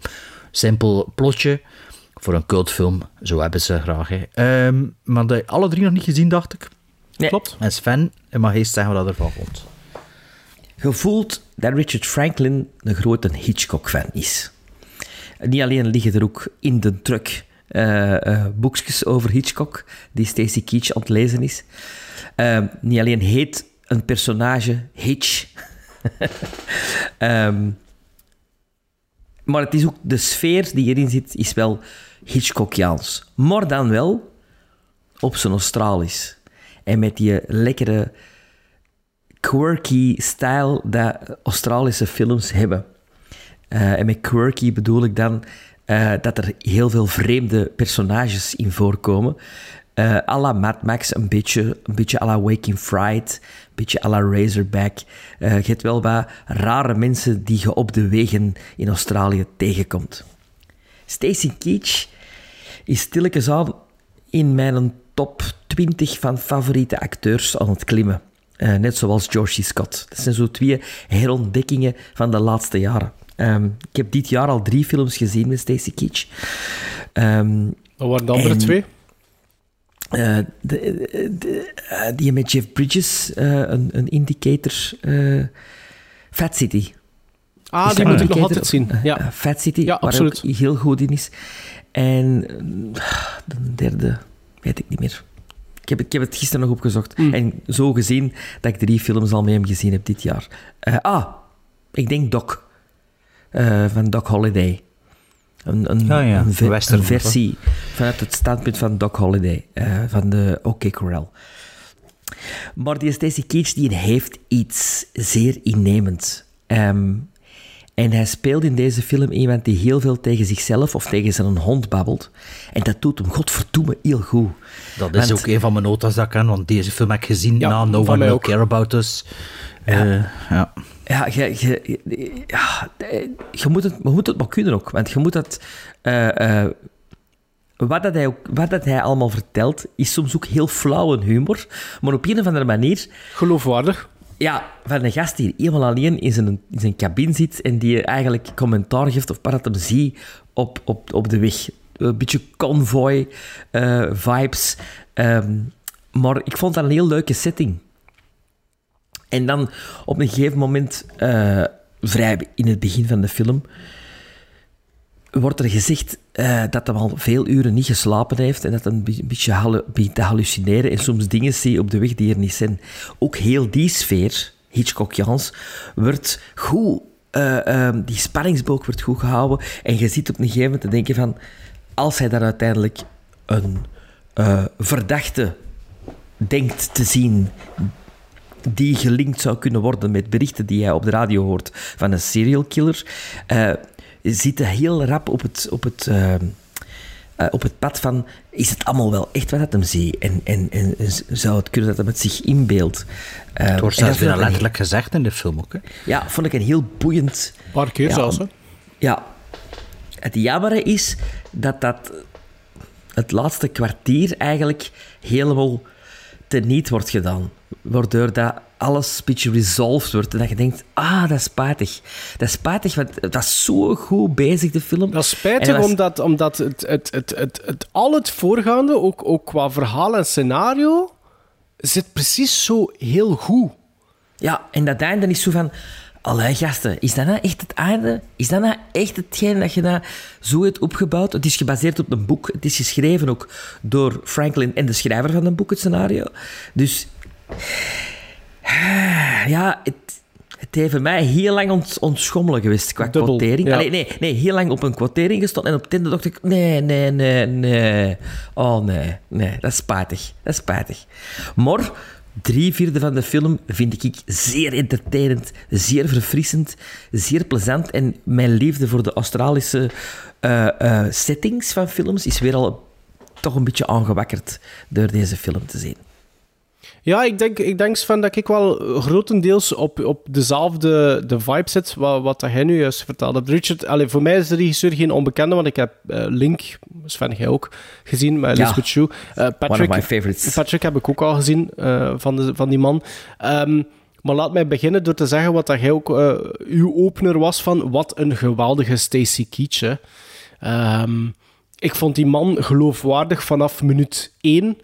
Als, als trucker die zichzelf immens weet te amuseren eigenlijk op zijn eentje. Allee, ja, samen met zijn, met zijn allee, dingo. Hè, Ding- zijn, dingo. Ja, dingo. Mocht geen hond zeggen, het is een dingo. Ehm, nu, de spelletjes die hij speelt bijvoorbeeld, alleen al wanneer dat er niemand in zijn cabine zit, bijvoorbeeld, dat vind ik dus geweldig. Hè? Eh, ook de kennismaking met de, de seriemoordenaar, wat dat eigenlijk al heel snel, eh, heel vroeg zit in de, in de film. Hè? De eerste notie van, hey, dit is misschien wel iets raars. Sorry. Vond ik ook heel interessant geschreven, maar ook heel goed vertolkt. Ehm, en ik was eigenlijk voor het overgrote deel heel positief over het verhaal en het scenario van die film. Ehm, ook steeds maar dezelfde personages eh, die Ja. opnieuw opduiken. Want we zijn eigenlijk allemaal dezelfde personages aan het volgen van punt A naar punt B. Die ook geen naam hebben, hè. Die geen naam hebben, Nee. maar dat hij zelf een karakter bij maakt. Hè, dat hij zelf op de een naam aftiteling heeft. staat er Smith or... ehm, Jones. Jones. Jones, ja. Ja. Smith Frita. Jones. Frita. En Frita, ja, voilà. Dat is ook niet haar naam. Eh, dus dat zijn allemaal eh, personages die door Keach, door het personage van Stacey Keach, een invulling krijgen qua persoonlijkheid. Quit. Eh, ja, ja. En, en, en, en wat ik wel best, eh, best grappig vond. Eh, nu, de introductie van Jamie Lee Curtis, dat vond ik eigenlijk wel redelijk verrassend in, de film. Of de, de, de, de plaatsing van de introductie van Jamie Lee Curtis. Ehm, zonder daar eigenlijk veel meer over te kunnen zeggen. Ehm, enkel zo tijdens vermeldingen van road games van de film en zo van die documentaires en dergelijke werd altijd zo melding gemaakt, stills en clips. Zag ik altijd zowel Anne Keach als Jamie Lee Curtis. Dat was altijd precies een duo eh, dat, dat, geopperd werd in die documentaires. Ehm, maar dat blijkt dus een beetje anders te zijn in die, in die film. Dus ik wou dat wel even vermelden dat dat voor mij wel een verrassing was. Ehm, ik weet, eh, ik weet bovendien niet waarom dat dat zo was. Maar eh, door bijvoorbeeld over die film te lezen en in documentaires te zien, was dat voor mij ook een andere film dan dat ik nu tijdens een first-time viewing eh, gezien heb. Zo eentje waar dat ik dacht dat dat, dat dat een veel explicietere film ging zijn, bijvoorbeeld. de cover van de Indication helpt er Ja, ook niet aan, van- hè? Nee, nee, maar ook door die... Door die indicator, sorry. Ja, door de manier waarop ook dat... de officieel, dat is de officiële affiche. Hè, want op mijn Blu-ray is dat die affiche ook. Ah, ja, Ja, ja. maar is de binnenkant niet... eh Allee, ja, is niet zo'n reversible? Allee, het doet er niet toe, maar... Ja, ik, Is weet, dat ik heb dat niet bekeken. Ja. Ik denk wel dat dat, dat ik denk wel dat die indicator cover dat dat effectief wel de poster is. Denk ik, maar Mhm. dat weet ik niet met 100% zeker. Maar ik dacht effectief dat dit een soort van ehm, Slasher. slasher explicietere film zijn. En ik denk wel dat we met drie eh, het erover eens kunnen zijn dat Road Games eerder een brave film is. Visueel, is nu niet dat daar gortige of grove stukken of, hè, in zitten. Eh, dus dat, voor mij was dat wel een, een- verrassing. Dat je zou denken dat dat misschien negatief klinkt, maar ik ben eigenlijk wel best ook voor het, het overgrote deel van Road Games best positief eh, over die film hoor. Ehm, nu, het is heel tof dat Stacy Keach eh, iemand is dat, dat heel graag spelletjes eh, speelt. hè. Hence the title. Hence the title. Maar het is een dubbele, dubbele betekenis, want ook de seriemoordenaar speelt graag spelletjes. De wat ik eigenlijk seriemoordenaar. ja, maar wat ik opnieuw wel heel goed geschreven eh, vond. ehm, al valt de uitwerking daarvan wat door de mand, voor mij persoonlijk, en ik, dan treed ik eh, Sven, eh, Sven bij. Want de uitwerking van het einde vond ik wel het minst positieve ehm, aan de film. Zo namelijk dat laatste half uur, 40 minuten zelfs voor mij. Jij was nog redelijk gul, vond ik, Sven, met die laatste 15 minuten. Ik vond het laatste half uur vond ik toch wat minder dan pakweg het eerste uur van, van, van de film. Ja. Want Tot plots... op een bepaald punt dat je denkt van... Oh, ze gaan het zo eindigen? Dan dacht ik van... Yes. Ja, maar dan is het ook Maar niet zo. het- Voilà. Nee. Want plots zijn er zo... eh, Wat ik heel leuk vond aan het script, ik vond dat dat wel redelijk inventief was. En, soms zijn, en plots zijn er zo'n paar gemakkelijkheden voor het eerst op te merken in, in die film. En dat is, dat, die, die, dat is redelijk grotesk, zo dat verschil tussen het eerste uur, uur en dan de rest van, van allee, het einde van, van, van Road Games. Waardoor dat de uiteindelijke climax, wat dat allee, een climax zou moeten zijn, vond ik eigenlijk redelijk teleurstellend. Ja. En ook niet echt spannend. Behalve de stunt. Ja, de, de stunt, zo die, die 10 seconden dan, laten we maar zeggen. Hè. Want Ja, de dat vond ik wel. Australisch, hè. Ja, want de opbouw daarvan vond ik nu ook wel niet. Ik vond dat eerst eerder grappig. Ik weet niet, ik vond dat niet... Ja, maar de film is ook soms heel Ja, maar grappig, de, de, de, de film heeft een komisch element, wat daar supergoed werkt. Ja. Maar niet op het einde, voor mij. Nee. Ehm, maar desalniettemin, ik vond de performances vond ik wel goed hoor. Van, van zo wat iedereen, ook van die side characters die er zo wat allemaal tussen zitten lopen. En dat we af en toe weer een keer zien in een, in een, in een gasstation. Of, of ehm, behalve ene. Die, die, die met die boot, Die dat vond ik niet grappig. Ah, ik jawel. niet- dat vond- Jawel, dat was die- Cannonball maar ik- Run. Nee, die repeat, nee, die, die eerste wel, maar die repeat vond ik niet grappig. Ik snap ook niet goed wat hij aan het doen is. Ja, Of ik ook waarom. niet. En ik weet Want ook er- niet... juist- wat- voilà. en, en in de eerste scène ook springt zijn raam kapot. En dat, snap door, ik ook de, niet dat is door die, die, hoe noemen ze dat, die sonic boom of zoiets. Omdat, eh, denk ik, Ah, denk ik, door de snelheid van het, van het voorbijsteken, denk ik dat dat wil zeggen. Ah, ja, dat denk ik. Maar ik vond die repeat, ik snapte dat ook dus niet. Ik snapte zijn beweegreden niet, dat helemaal Nee, niet zelfs. Dus dat Nee. is niet, zie je, maar dat is een, een, een, iets van een dikke vijf minuten wel dat dat krijgt in die film. Maar dan heb ik zoiets van, ja, dat hoefde voor mij helemaal niet. Ehm, maar dus de performances waren goed, de sfeerzetting was goed, de cinematografie... Muziek. Ja, de cine- ja voilà, daar wou ik nog op komen. Brian May, eh, de cinematografie en de montage. Want de cinematografie was ook leuk, hè? want je hebt heel veel shots van die eh, achteruit, die side mirror in die, van de truck. Ja, maar dat dat kreeg, je zo... ja, maar dat, dat is heel mooi in beeld, want dat is echt zo heel centraal geplaatst. Maar ondertussen zie je ook voor u, want links en rechts kunnen nog de baan zien Ja. dat hij aan het volgen is. Maar dat zijn ook Hitchcock-dingen, hè. Ook zo de standpunt Brian van, De dat je zo denkt van... En de een beetje opschuiven, een beetje opschuiven, Ja. een beetje opschuiven. Ja. maar inderdaad, de, de score van, van Brian May vond ik, vond ik ook heel Ja. leuk. Die En ook de score Queen, van de Mad Die Max van Queen, films. Nee, Nee, nee, niet die nee, van Queen, nee, maar die wel van de niet Mad Max films, Ja. hè. Maar ehm, het is wel een film die mij niet verveeld heeft ook. Het heeft mij nooit niet verveeld, maar ik was wel... En dat is heel spijtig om te zeggen. Het heeft mij wel een beetje teleurgesteld op het einde. En dat vond ik wel jammer. Bart. Ja, Road Games. Ik had hem dus ook nog niet gezien. Eh, Sven zegt grote invloed van Hitchcock. Ik eh, zag ook Duel erin, eh, Mhm. natuurlijk. En de typische Australische ding. Nee. Er zit één scène die pure Waking Fright is voor mij. In de, de Roadstop Diner. eh, Ja. Dat is echt eh, de, de locals Wanneer dat die, die, die 360 Ja. maakt, zo die camera, Ja, dat vond ja, ons wel een ja, heel ja. mooi shot. aan- als hem aan het bellen is, hè? Ja, Ja. als hij aan het bellen is, dat is voor mij, wat mij betreft, zo echt Waking Fright. Zo, de- volgens mij was dat zo, dat is de, dat is de Waking Fright scène dat we gaan doen. Zo. Ehm, ja, Stacey Keach verkoopt die film. Hè. Eh, zoveel is duidelijk. Eh, als ik jullie twee bezig hoor, en ik heb dat natuurlijk ook als eerste ding genoteerd. Ah ja, trouwens, eh, met eh, de per- terugkerende personages. Allee, die film is er van ervoor. Die, dat eh, komt ook terug in The Hitcher. Hè. Dus eh daar moest ik ook wel een beetje aan denken. Eh, dat er zo mensen passeert langs de autostrade en die dan later in het verhaal nog eens terugkomen. En, eh, dat, dat, ik Dat is te dat- lang geleden voor Ja, mij. maar de, Die outco- Hitcher. de, de outcome van die personages is wel anders dan in Road Ja, ja, Games. dus, ja, ja, tuurlijk, het is anders. Maar je komt ze wel meer dan één keer tegen. Hè. Ehm, maar dus, eh Stacey Keach, ja, dat is, dat is ook wat ik genoteerd heb. Hè. Zo moet je een acteur die alleen aan het spelen is, laten spelen. Hè. Niet hem laten zuchten en blazen de hele tijd, maar laat hem tegen een hond vertellen. Hè. En dat, zo, zo als kijker zit het dan ook wel mee. En het is geloofwaardig dat hij dat tegen ons Heel En geloofwaardig. Ik vind Stacey Keach en eh, de New Centurions vond ik hem ook supergoed. Maar eigenlijk heeft hij niet zoveel lead roles gespeeld, hè? Dus een character, nee, jawel, dat is meer een character. Ik Maar- vind Keach jawel, voor jezelf de met een character ja, actor, hoor. ook, ja. Nee, nee, in de jaren 70 was hij wel een, een goede Maar zou dat dan een moeilijke mens geweest zijn misschien? Want Nee, maar die, heeft een die is naar tv geswitcht. Hè. Die heeft Mike Hammer als een van de eerste. Hij zo, allee, eerste, hij had zo'n Magnum en je had Mike Ja. Hammer. En dan heeft hij een Ah, ja. hele tv-carrière gehad. hè. Ah, oké, oké. En een cocaïneprobleem. Ah ja, Ja, dus er was toch iets, ja, meer, voilà. eh, Ja. iets meer aan de hand. Ja, ja heel veel eh, toffe scènetjes en momenten. Nee. Ehm, de, de andere mensen op de baan ook. Eh, Het het is achteraf gezien omdat het een klein beetje zit te speculeren op is het echt of niet. Of, allee, is het, maakt dit in zijn hoofd allemaal erger dan dat is? Is het eigenlijk een beetje jammer dat de ene scène in het begin erin zit? Ja, Ja, Ja. ja. Ik snap wel waarom dat het erin zit, maar ik denk dat het sterker zou geweest zijn moest het er niet in zitten. absoluut.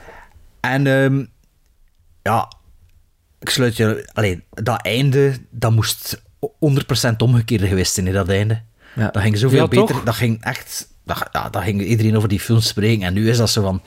Ah ja, ja, ja. Ja. Daar, daar, daar, daar laat de film de bal volledig vallen. Ja, we need a resolution and a happy ending. Ja, ik ging juist zeggen, je zou bijna denken dat het een Hollywood-productie is, waarbij dat de producers zeggen, nee, nee, nee, dat gaan we niet doen, terwijl het is Australisch.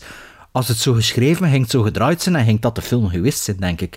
Dus het is, het is wel een beetje jammer. Hè. Ik zit een paar goede gags in. Hè. Allee, goed, we- allee, die auto, die, eh, is er een auto, die het alarm, dat alarm die veel te lang bleef afgaan. Ja, nou toch? duur- Ja, goed dat was dat, ja, maar dat was wel... Oeh, dat werkte wel op mijn zenuw. Maar ja, het, het klopte wel. Hè. Als en ik vond ook, die gag, als die die een motto pikt, dat vond ik supergoed. Ja, ja. ja. Dat was zoiets onnozel, maar dat werkte wel. Misschien dat dat zelfs per ongeluk was op de set, ik weet het niet, maar ik vond dat... Ik dacht van, ah ja, dat, dat, ah, zo is dat waarschijnlijk in het echt. Ja, toch? Ja, ja dat is het ook. Ehm, ja, ja, Jamie Lee Curtis, ja, mo- moet wel zeggen, het was me niet opgevallen dat ze Australisch aan het spreken was, want ik dacht op een gegeven moment, ah ja, ah ja die is ook Amerikaans aan het spreken. Dus het moest zijn dat het dan toch redelijk subtiel was, of dat ik niet zo Ik goed dacht dat het. Australisch was. Maar ik had het gevoel dat, dat ik dat... Want toen dat ze zei van ja, je zit de dochter van een diplomaat of zo, of wat was het weer? Ehm, Iemand dat ik dacht van... Ja, iemand. Ja, maar is het niet een diplomaat? Ja, dat ik dacht van, ah ja, dat is wel raar dat hij dan niet echt zo Australisch spreekt. Er zit ook wel een hele trage auto-achtervolging in. Dat is een beetje aan de, de Last Jedi, die denken. Eh, maar eh, al bij al heb ik wel een zeer leuke film Maar The gezien. Last Jedi? Dat is ook zo'n trage achtervolging tussen die twee ruimteschepen. ja, ja. Ehm, maar al bij al heb ik wel een hele toffe film gezien. Dat, waar ik misschien ook wel iets meer slasher van verwacht had. Ja, eh, toch? Als ik eerlijk Ja. ben. Ja, ja. Maar dat is het dus niet. En eh, ja, het is, het, is, ja, het grote jammer aan die film is dat einde. Of voor de rest, like die scènes ook, als ze daar dan... ehm, wacht even, waarom moeten ze dat weer parkeren? Of, of is het... Ja, wanneer dat ze dan zo even weg is. De- de- aan die bomen zo. Het is dan een grote boom en het zit een huis Ehm, Wanneer dat er zo'n day for night is, hè? Ja, ja, ja. Ja, ja, dat vond ja. ik ook wel een coole setting, waar dat er ook van alles kon gebeuren en al. En ja, ik vond dat... Ja, maar dat was ook iets heel raars. Omdat er daar informatief klopte daar iets niet aan. Want, want, er, wordt, want er wordt niet met door... die koffer, hè? Alleen met die eh, lading, hè? Of zoiets. Ja en, toch ook, iets? ja, en ook. En zij ziet iets, maar ze, ze, ze, ze, ze zegt dat niet tegen Stacey Keach. Dat vond ik iets heel bizar. Vond ik heel raar. Maar inderdaad, Mhm. wat dat gezegd ook van... En ik vind ook dat einde klopt gewoon niet. Want de... Allee, ik bedoel, omwille van, de, omwille van eh, de uitwerking van het personage van Jamie Lee Curtis, zou het nooit slecht kunnen afgelopen zijn. En dat vind ik zoiets heel bizar, want dan is er sowieso al geen dreigingen meer. Ehm, buiten eh, het feit dat, dat gewoon de, de climax niet goed, niet goed is. Die, is- allee, het, is. het is gewoon niet goed uitgewerkt. Het is gewoon niet goed geschreven. Maar, dat, wat, maar en dat vind ik... Nee, terwijl dat ervoor wel allemaal heel inventief is. Voilà. Zoals zijn naam die hem gezien heeft, die hem Exact. opgegeven Ja, heeft. Dat vond ik, ja. vond ik Supergoed. heel goed. Dat vond ik echt Ja, maar- supergoed. Want ik, wat mij was dat in het begin al opgevallen. Dat, dat is toch wel raar dat dat er zo op staat. Ja. Allee, ja.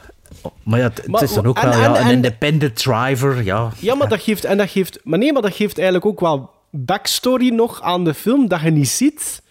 En Ja, dat vond ik ja. heel leuk. Dat vond ik echt super plezant. dus, dus qua scenario, qua verhaal zit, die, zit Road Games eigenlijk wel heel inventief in elkaar. En, maar dat is precies een, een mooi kaartenhuisje dat opgebouwd wordt. En, en, en je zit aan het laatste, die laatste twee kaarten. En dan botst er iemand er tegen. En dat valt dat precies een beetje in elkaar, die film. Dat vond ik dat super jammer. Super jammer. Ja. Maar kijk, we zitten op dezelfde niveau. Op hetzelfde... Allee, dat zijn we er Eh, juist ook in, Bart. Ja, maar ja dus hij had de 8 geven en wij wat minder. Ja, zeg maar wat dat geeft net. Sven? Zeven. Ik geef dat wel net hetzelfde. Ik geef dat ook een 7. Ja? net En een ik 7. geef dat, ik geef dat mijn, jullie 7 is voor mij een 6, dus ik geef dat een 6. Ja, maar dat Dus, valt eh, wel mee. Ja. Dus dat valt goed mee. Road games. What the hell? The truck driver plays games.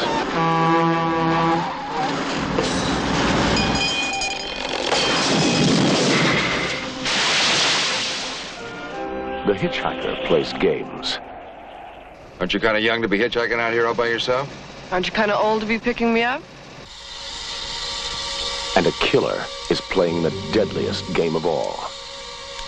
Oh, he's just killed a girl.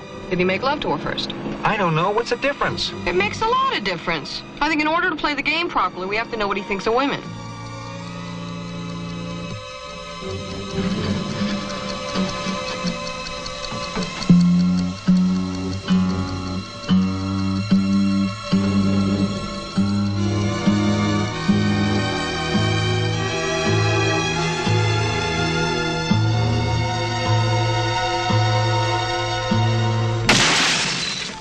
Stacy Keach is Quid. No, no, it's Q-U-I-D. D is in death to young girls, you cretin. Jamie Lee Curtis is Hitch. Attic in Canberra.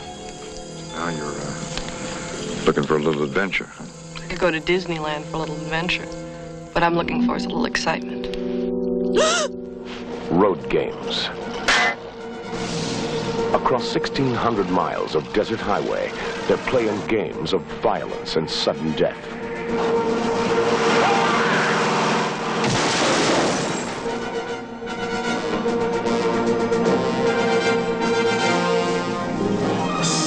Games. It's my game. Okay, Sherlock. If someone doesn't stop soon, there won't be anyone left alive to play. Road games. De volgende aflevering is nog altijd geen Halloween geweest, dus we zijn nog altijd de Road to Halloween aan het doen. Hè. En toen doen we gewoon nog maar een keer eh, wat horrorfilms. En deze keer doen we een Gremlin Strike Back Classic, maar dan met horror of Halloween geschikte films. Hè. Eh, hebben, jullie, eh, hebben jullie moeite moeten vinden? Allee, hebben jullie het hard te verduren gehad voor er twee te vinden? Of, eh, Ik heb het mijzelf ietsje moeilijker gemaakt omwille van de insteek. Dus dat zal straks zelf- duidelijk worden. Hè? Maar het moet wel een classic zijn, hè? Geen Ja, ja. oude film, hè? een classic. Hè? Want dat is het ding natuurlijk. Met een classic moet het eigenlijk Ik, ik maak de, onoffi- potentiële ja, de seal of approval zijn. hè. officieuze jacht op een, op een, op een eh, Ja, SOA. Hè? seal- Ja. SOA, ja. Allee, Ah, wie- een jacht op... Ja, ah, oké. Dat waren vergeten. Sven. classic, dat is toch... Ja, geen ik, twee eh, oude films, hè. het is classic. Ja, ja. Maar zullen wij maar beginnen, Ton? Weet je wat, ik zal een keer eerst gaan. Ik heb hier twee films mee. De een duurt 71 minuten en volgens IMDb 58 minuten. En de versie op YouTube, die in HD staat, duurt ook 71 minuten. Het is een Duitse film van 1920, die ik nog nooit helemaal gezien heb. Ooit wel begin. Dan hebben we het over Das Kabinet des Dr. Caligari. Ehm, film, ja, film die ik in de filmschool ooit van de schoolvideotheek geleend had, maar niet verder gekeken. Ik kan naartoe allee, beginnen kijken, maar eh, oh, niet geïnteresseerd genoeg. En een andere film is een film die bij mij ehm, enkele jaar geleden in mijn top 10 first time viewing redelijk hoog stond. Ik weet niet meer exact waar. Het is een film van 1990 van 110 minuten en een director's cut van 105 minuten. Het is een film die ik, eh, waarvan ik niet weet welke cut dat ik gezien heb. Maar ik vond het wel verrassend goed. Het is eh, een sequel eh, geregisseerd door de schrijver van de originele, allee, van de eerste van de film, geschreven door William Peter Blatty en geregisseerd ook Ah, door ja. The Exorcist Ja, ja. 3 met George C. Scott. Dus eh, wat wordt het, jongens? Maar ja, maar wacht, de vraag is van... Want de, de, de, dus dat zijn wel twee hele verschillende cuts, hè Bart? Dat schijnt. Ja, dat weet ik. Ik weet niet wat ik de vorige keer gezien heb, maar ik vond dat wel goed. Wacht, ik ga een keer zien hier. eh, Ja. de, vorige keer, de, de Exorcist 3 heb ik de vorige keer gezien op V- eh, DVD. Dat is- ah ja. De, is in een boxset. Maar ondertussen heb ik de dinges gekocht. Hè. Eh, Die Arrow. de Arrow, hè. wacht, ik ga een keer zien wat er daarop staat. Maar ik heb dus ook een Franse box waar dat, eh, de eerste drie in zitten. Maar ik denk, aangezien dat een Blu-ray is, dat er twee of drie cuts op staan. Hè. Ik heb er een, een DVD van. Ik ook een DVD. Maar, maar ik weet wel dat die, die, die director's cut, die, dat is echt een hermontage. Hè? Dat, dat, De dat zit wel Legion anders, cut. hè? hè. Ja, ik denk dat het een originele cut was dat ik gezien heb. Maar zelfs de originele cut, die eigenlijk... Ja, ik ga daar verder niet veel over vertellen. Dat vond hij goed. Heel goed zelfs. Ik vond dat eh, een enorme verrassing. Ja. Ik heb dat nog nooit gezien en ik wil dat al jaren zien. Ik heb... eh, De, de kabinet heb ik op Eureka, die heb ik al gezien. En de Exorcist 3 heb ik ooit gezien. Maar ik, ja, ik weet dat Brad Dourif daar ook in meedoet, samen met George Weet je wat? Scott. Je mag zelfs de, de cut kijken dat je wilt. Ja, maar ik weet, dat, ik weet dat niet zeker. Ik denk dat er echt de verschillen te groot zijn. Dan kun je niet echt over dezelfde film praten, vrees ik. Ja, Dus dat dan moeten we misschien al een keer twee de cuts bekijken. Maar ja. We gaan dat wel apart 3. bespreken. Exorcist 3, zeg ik. Ja, oké. Sven hij ook, dus. Yep.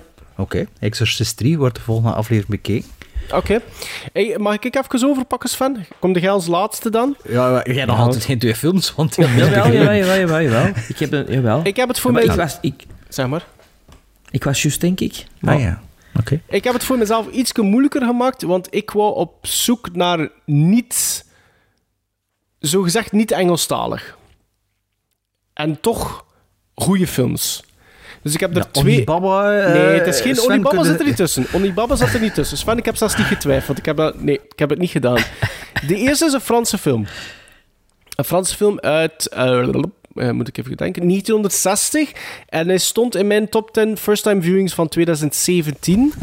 Ja, heb ik ook op Blu-ray. de film is eh, Les yeux sans visage, Eyes Without a Face, van Georges Franju.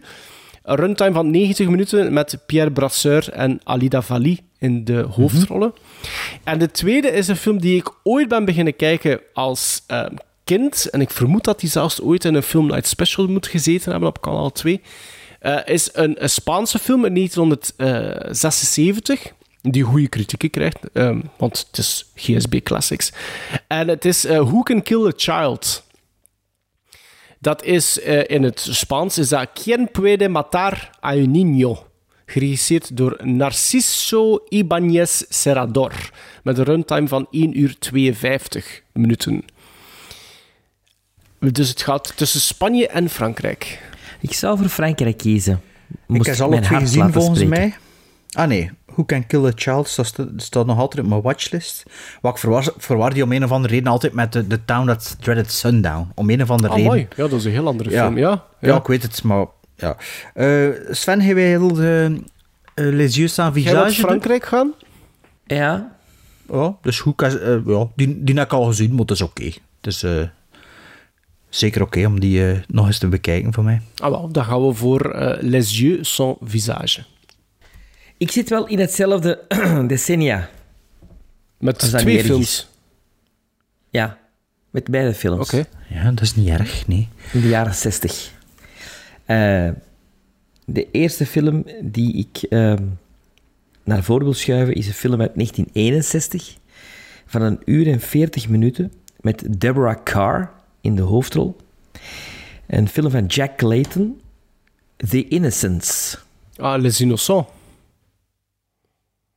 Ah nee, nee. The Innocents, effectief. The Innocents.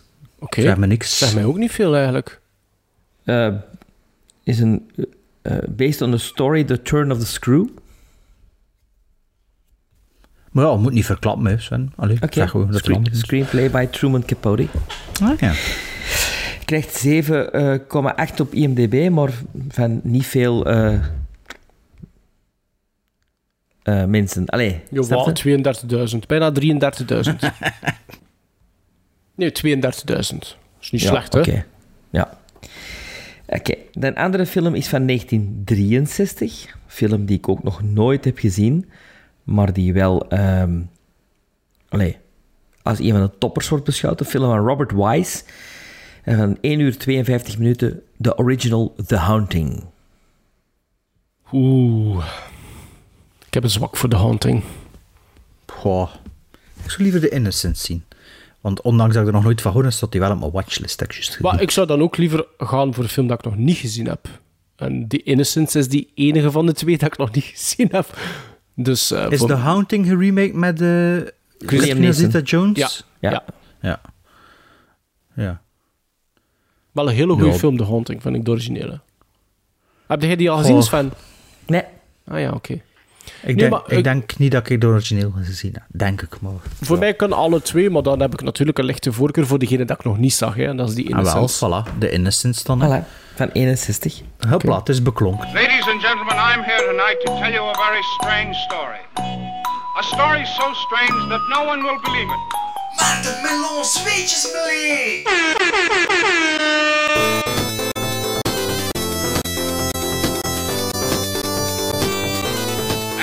my partners and I, have brought back the living proof of our adventure. Het is al eventjes geleden, maar voor deze eerste, ja, laten we dat maar zeggen, Halloween-aflevering, hè, want het is toch horror gerelateerd, aflevering 190, eh, ben ik hier nog een keer met een eh weetjesmelie. Het is eigenlijk een oplijsting van eh, trivia dat ik gevonden heb online en het gaat over niemand minder dan William Friedkin. Want als je horror zegt, dan denk je misschien wel aan die Exorcist. En wie dat er aan de Exorcist denkt, die denkt aan William Friedkin. En de man is dit jaar overleden, namelijk op 7 augustus op 87-jarige leeftijd. Dus dan dacht ik van misschien een paar eh, weetjes over eh, William Friedkin in deze melie. Het zijn er niet veel. Eh, maar ik ga die gewoon eventjes oplijsten voor jullie. Hè. William Friedkin die begon in de mailroom van eh, een, een, een kleine zender in Chicago, namelijk WGN-TV. En na twee jaar was hij al live televisie aan het regisseren. Dus zijn opmars in het landschap was redelijk stellar te noemen. Dus hij schoot als een raket de hoogte in. Eh, een van zijn eerste eh, opdrachten als regisseur was in The Alfred Hitchcock Hour in 1962. Maar hij, was, eh, hij werd op de vingers getikt door niemand minder dan Alfred, Alfred Hitchcock himself. Want William Friedkin droeg geen das op de set. En Hitchcock vond dat een no-go, blijkbaar.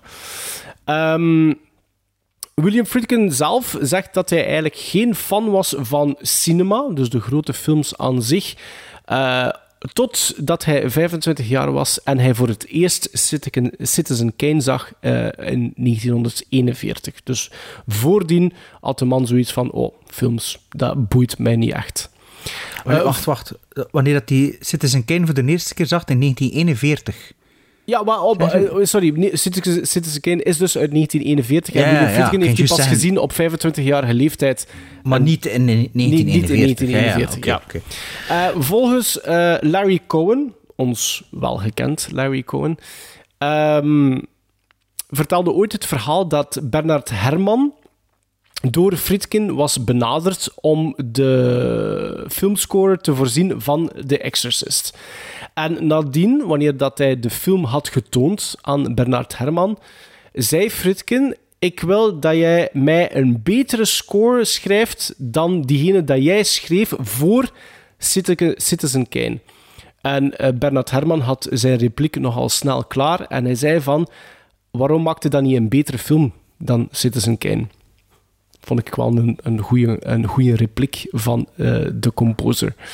Eh Friedkin was... ehm, werd eh, door eh, William Peter Blatty, dus eh, de, de, de, de, de regie aangeboden van The Exorcist, eh, na een screening van eh, The French Connection uit 1971, ook natuurlijk geregisseerd door, eh, door William Friedkin. Warner Brothers eh, had nogthans Peter Blatty eh, een beetje onder druk gezet om een andere regisseur te kiezen.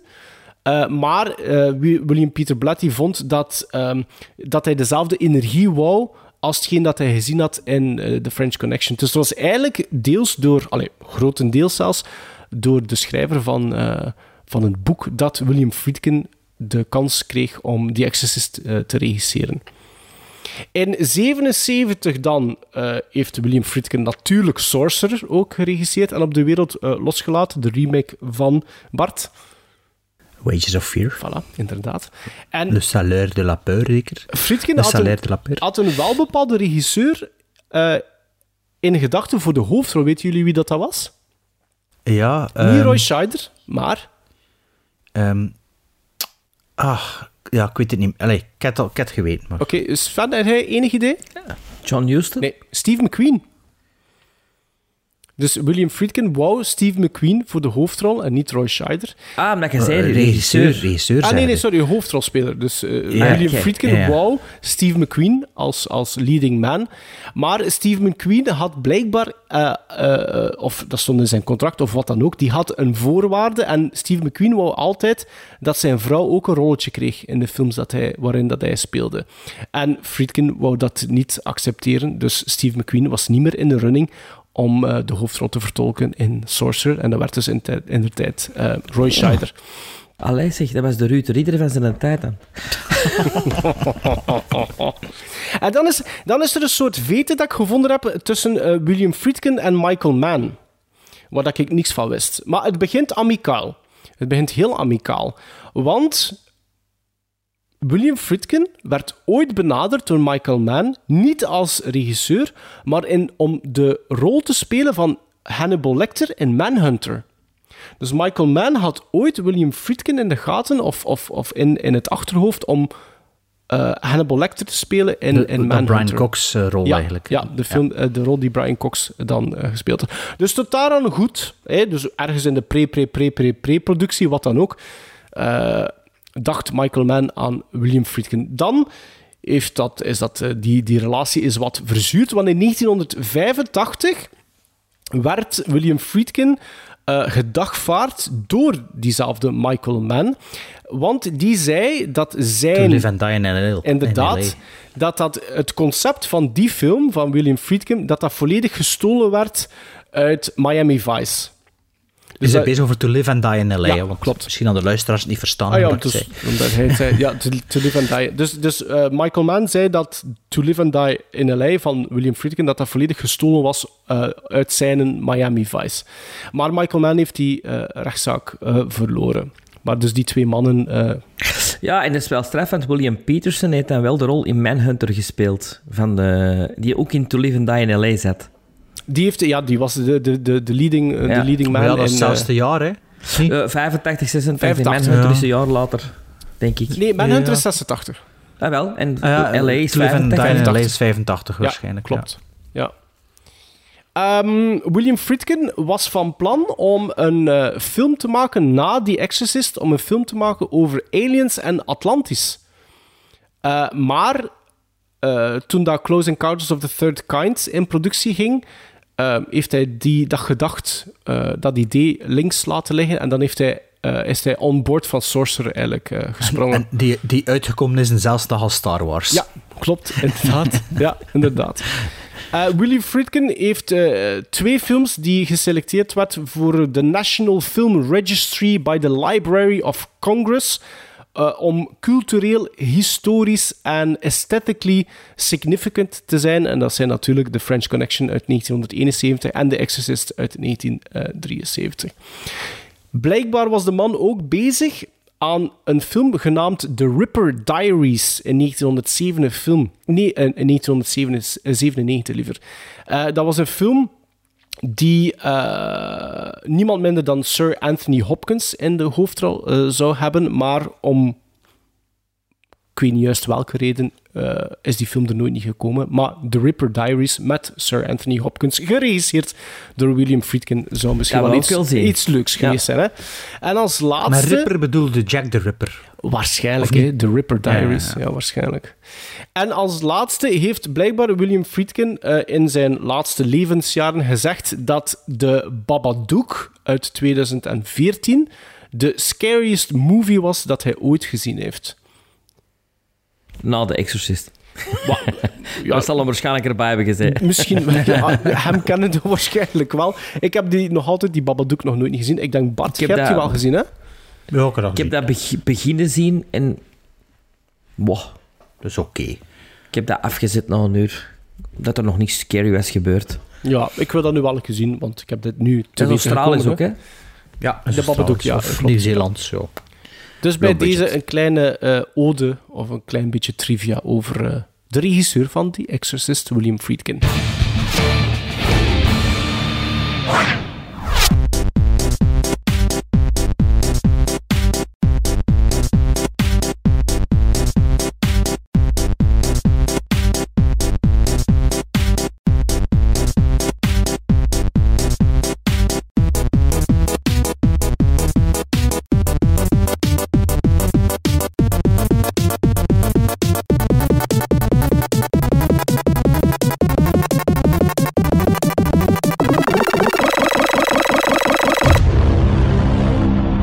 Nog eens de top 3 en op den duur, wat moeten we nog gaan doen als top 3's? En toen moeten we een beetje gaan stretchen en, eh, en, en, en plooien en omdraaien en nog een keer kijken daar en nog een keer zo. En uiteindelijk hebben we een top 3 gevonden die toch wel iets te maken heeft met Halloween. Namelijk top 3 vergeten, onbekende, onbeminde films met castleden uit de volledige Halloween franchise. Dus in mensentaal, zoals we ooit met eh, Jan Verheyen deden over eh, zijn Amerikaanse film, dat er top 3 van castleden, maar niet die meespelen in zijn film, mocht, mochten we nu een top 3 samenstellen. En in de drie films moest er minstens één acteur zijn die op een of andere Halloween eindaftiteling stond. En dat was de, quote, allee, de, de quota om, de, om te mogen De opnemen. insteek, in ja. deze, de insteek, ja. En toen, ja, vergeten, onbekend, onbemind. Eh, Je kent het Ja. ondertussen. Hè. Niet de bekendste gewoon. Sven, ja? Ik ga beginnen. Ik heb eh, een actrice eh, gevonden in Halloween 3, The Season of the Witch, namelijk Stacey Nelkin. En Stacey Nelkin doet mee in een film uit 1983. Dus eigenlijk een jaar na Halloween 3. Eh, in voor mij een onbeminde film. eh, een comedy. Geschreven door Graham Chapman en Peter Cook. Twee comedy legends. Met in de hoofdrollen Graham Chapman, Peter Boyle, Cheech Chong, Peter Cook, Marty Feldman, Eric Idle, Madeline Kahn, James Mason, John Cleese, Spike Milligan, Susanna York en Stacey Nelkin. Ik heb het over de piratenparodie Yellowbeard. Yellowbeard is eigenlijk eh, een samenraapsel van verschillende comedy-stijlen, wat toen in de jaren tachtig wel eens meer gebeurde met films. En het is de helft van Monty Python die erin zit. Is een beetje Peter Boyle en Marty Feldman, zo en Mel Brooks dat erbij wordt ge- gedaan. En dan Peter Cook en Cheech and Chong, die Cheech and Chong totaal niet passend in dat soort films. Die waren hot op dat moment. Ja, en Madeleine Kahn ook er nog bij. En dan een eminence gries, James Mason. Ik vind dat een hele leuke film. Eh, maar ik kan begrijpen, als je dat nu voor het eerst ziet, dat je denkt... Boah, flauw. Maar ik heb daar een heel groot jeugdsentiment naar, naar deze film. Eh, ik heb dat nooit gezien. Ik Yellow. Bird. eh, Bird. Bear, Beert. Ehm, Beert. Ik moet ook niet zeggen dat me vrij interesseert ook eigenlijk. Maar, eh, Ja, als je al die comedy legends die samen wilt zien, Ja, er, ja. er zijn wel zo'n soort films. Hè. Je hebt ook zo Holy Moses is ook zo'n film. Ehm, eh, Jabberwocky. Dat is ook zo van die, van die ja, Eric, the samen- Viking, Eric the Viking. Eric the Viking is ook eigenlijk zo'n Jabberwocky, dat is van Eric Idle ook, hè? Dat is Monty Nee, van- Python, hè? Nee, nee, nee, nee. nee, nee. Jabberwocky is van Of eh, Terry. Jones. Ah, nee, Gilliam. Maar Eric. Idle doet er aan mee. Er, er- Ja, ja, ja. Ja, ja, ik dacht eigenlijk dat dat een volledige Monty Nee, Python... nee. dat er Nee, zo de Cleese bijvoorbeeld doet dat niet aan mee, dat weet ik Ah, zeker. ja, doet er niet mee. Ik heb die onlangs op Rommelmarkt gekocht, maar ik heb dat nog nooit gezien. eh. Maar dat deden die wel, hè. Die gingen soms met drie acteurs dan in een andere comedy of met twee acteurs. En, en dan dacht iedereen, oh, Monty Python, maar dat is niet. Nee. Nee, nee, nee. nee.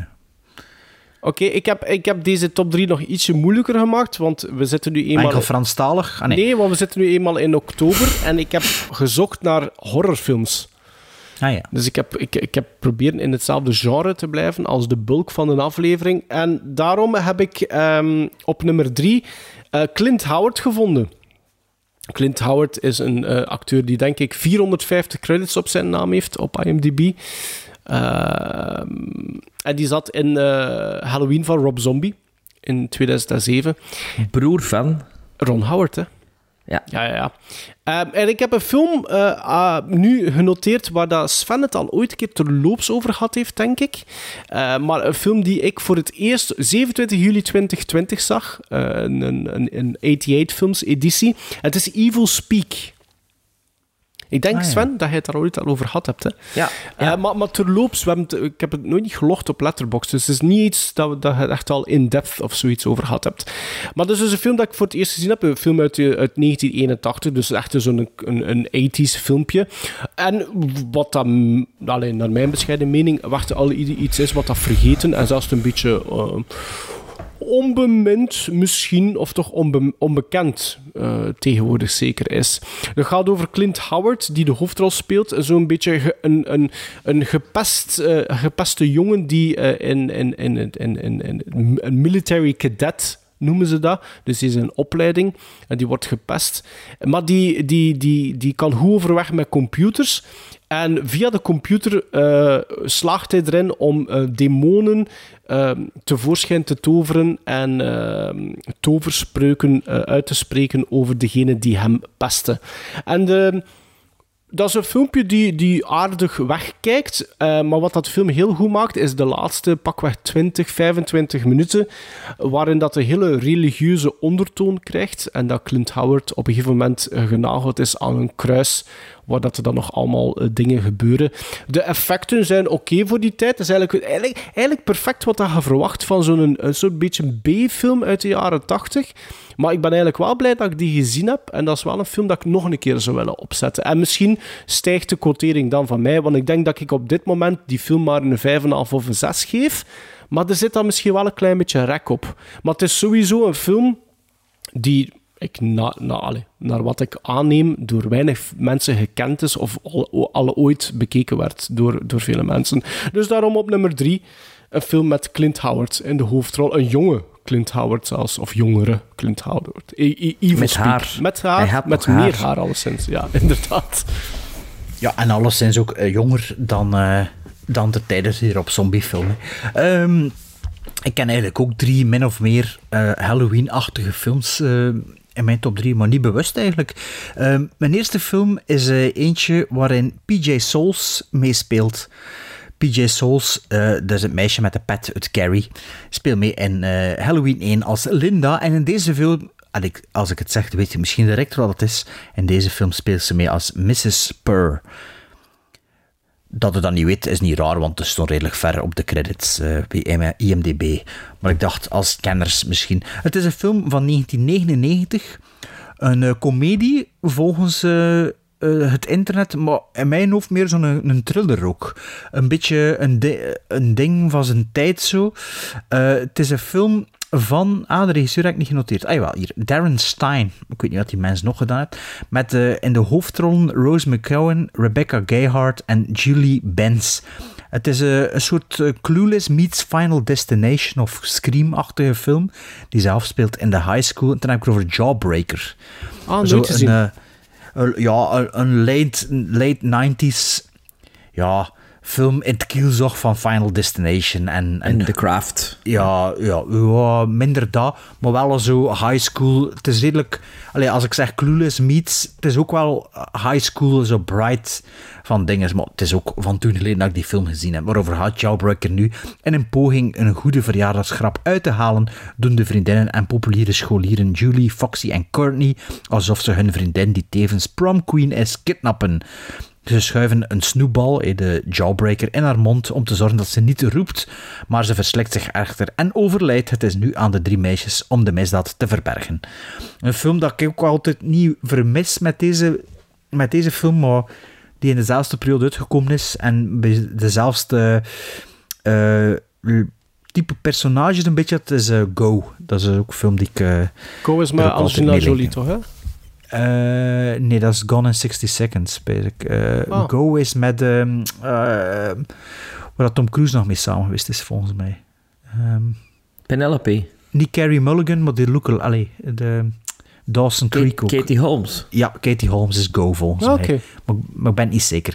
Maar dus, eh, om nummer drie, Jawbreaker. Een film, als ik die ooit in de tweedehands bakken tegenkom, die ik zeker ga kopen. Zo van, oh ja, die heb ik nog niet en die wil ik wel nog eens zien. Maar dus alle twee niet gezien, veronderstel ik. Mm, Denk het niet. Maar het, het is wel zo'n ding, is een film die ik misschien wel ooit uit de videotheek zou gehuurd hebben. Want ik zie wel die, die titel zo af voor mij in de rekken. Maar Ja, ja. Mijn nummer twee is een eh, film waarin Jamie Lee Curtis haar opwachting maakt. Film uit 1992. Een romantisch drama. Met Mel Gibson in de hoofdrol. Forever Young. Een fantastisch verhaal, geschreven door J.J. Abrams. Over een eh, Wereldoorlog 2-piloot die door CryoSafe wordt ingevrozen in de Tweede Wereldoorlog, maar in de jaren 90 eh ontdooid wordt. Captain En eigenlijk- America. Ja, een beetje wel, ja.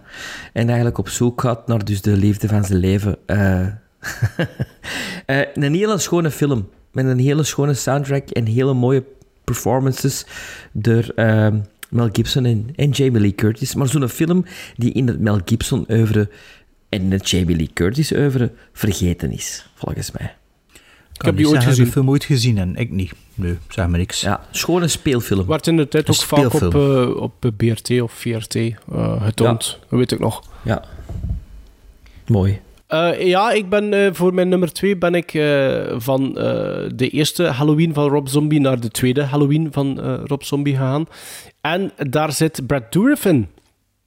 En Brad Dourif is wel een dankbare kandidaat als je bezig bent met, oh ja, wat kunnen we nog in het horrorgenre vinden. Eh, maar ik ben een beetje, het is een beetje een hybride eh, film uit 1997. Het is een beetje een drama, horror, thriller. Ehm, ik heb gekozen voor Nightwatch, met in de hoofdrol Ewan McGregor, onder andere. Ja. En Nick En Nolte. Nick Nolte, inderdaad. Ja, Eh. Een remake uit een Ja, film, ja, ja. van een film van 1994, maar wel door dezelfde Deen- regisseur. Een, De- een Deense film, Klopt. mij. Eh. Natte Vachten. Natte Vachten, inderdaad. De regisseur De origineel denk ik op DVD, volgens mij. Ole? Ole Bornedal is de regisseur, die zowel zijn originele film als de remake ook eh, geregisseerd heeft.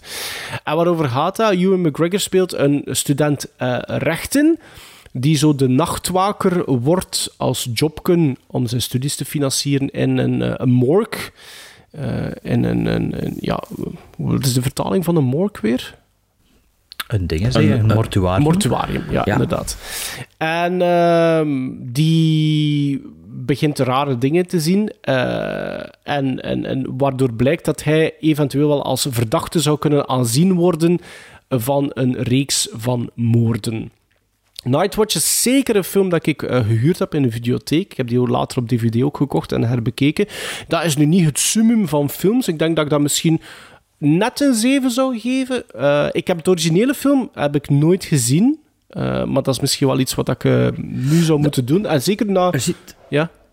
er zitten wel knappe eh, ehm, shots in, vind ik, in Nightwatch. Voor onder andere, wat ik mij altijd herinner, is die motten die in die lampetjes zitten te tikken. Ja, klopt, klopt, klopt. En ook, er zitten, zitten schone travels in ook, vind ik, dacht ik, in, in, in Nightwatch. Maar het ding is, Josh Brolin doet er bijvoorbeeld, eh, doet bijvoorbeeld ook, niet, eh, ook mee in, eh, de remake. Eh, Patricia Arquette doet ook mee in, in de remake. En dat vind ik, ik vond dat zo'n heel fijn ensemblefilmpje, zeker als je dan weet wat dat die allemaal achteraf nog gedaan hebben. Ehm, maar ik vind dat een onderhoudende thriller met wat, Mhm. wat van die horror-elementjes in. Dus Nightwatch staat daardoor eh, voor mij op nummer 2 in dit ja, segment. Ze staan niet boven mijn hoofd. En eh, ik ken ze alle twee. Ik ken de Amerikaanse remake en de originele op DVD. Oké. Ja. Ik was nog vergeten te zeggen, sorry dat ik even terugpak, dat Forever Young geregisseerd is door Steve Miner. Ah, van Eh, My Bloody Valentine onder andere. En van The Friday the 13th 2 en 3, van House, van Soul Man. Eh, toch Man mogen niet Ja. meer zeggen. Is, Waarom niet? ja, dat is, dat is redelijk fout, hè, maar dat was toen ook al redelijk fout. Wow, denk ik ook wel. Ik heb daar een grote affiche van gekregen. Dat weet ik, dat weet ons. maar dus die Steve Miner eh, eh, toch wel wat op zijn... eh zijn CV. Ja. Ja. Ik ben voor een film gegaan waarin, waarin dat de Graveyard Keeper het Halloween 1 meespeelt. En als ik zeg de Graveyard Keeper het Halloween 1, zeggen jullie natuurlijk direct, ah ja, dat is Art, Artus Malet. Inter- ja, Artus Ma- absoluut. Artus Malet, eh, bekend als de Graveyard Keeper, maar ook bekend als King Eidelig. En King Eidelig speelt mee in een film van 1985. Een fantasy animatiefilm die er een beetje uitziet als Don Bluth film, maar het is een Disney film. 80 minuten, geregisseerd door Ted Berman en Richard Rich. Ik heb hem Eh, juist teruggezien. Dat ik toevallig vrijdag gekeken heb met, van het stapeltje met drie te bekijken. Ik vond het Eh, wel een zeer magere eh quotering. ik vind, ja, ik heb het dus over The Black Cauldron of eh, Taran en de, De Toverketel in Nederlands. Eh, waarover gaat Taran en de Toverketel nu? In het mystieke land Predani neemt het jongetje Taran een heftig, heldhaftige taak op zich. Samen met een magisch zwaard moet Taran zien te voorkomen dat de bozaardige hoornkoning de bovennatuurlijke krachten van een mysterieuze toverketel kan oproepen. Geholpen door de mooie prinses Elonie, het harig schepseltje Gorgi en een helderziend varkentje moet Taran zijn afschrikwekkende vijand zien te verslaan. Onderweg leert hij de kracht van vriendschap kennen. Een Disney-film uit een donkere periode. Eh, vlak voordat ze terugkwamen met Oliver en Co. eh, denk ik, is de volgende echt grote film. Of misschien nog een Reddertjes Down Under, dat dat er nog achter zat. Ik weet het niet. Of, eh, ah, of de muizenfilm, hè, de Sherlock-muis. Nee, dat is eh, eind jaren 80. Ah ja, is dat eind jaren 80. Ehm, King Eilig. El, El, Eilig. King, King Eiley Dick. Eilig Dick. Eh, dat is een van die elfjesachtige figuren in ehm The Black Cauldron. Eh, ja, ik ken altijd grotere verwachting als ik naar die film begin te kijken. Maar halverwege begint dat toch een beetje saai te worden. Ehm, het was wel grappig, want mijn kinderen dan nog geen één. Oh ja, mijn oudste hadden hem al gezien, maar die is ook halverwege gestopt met kijken.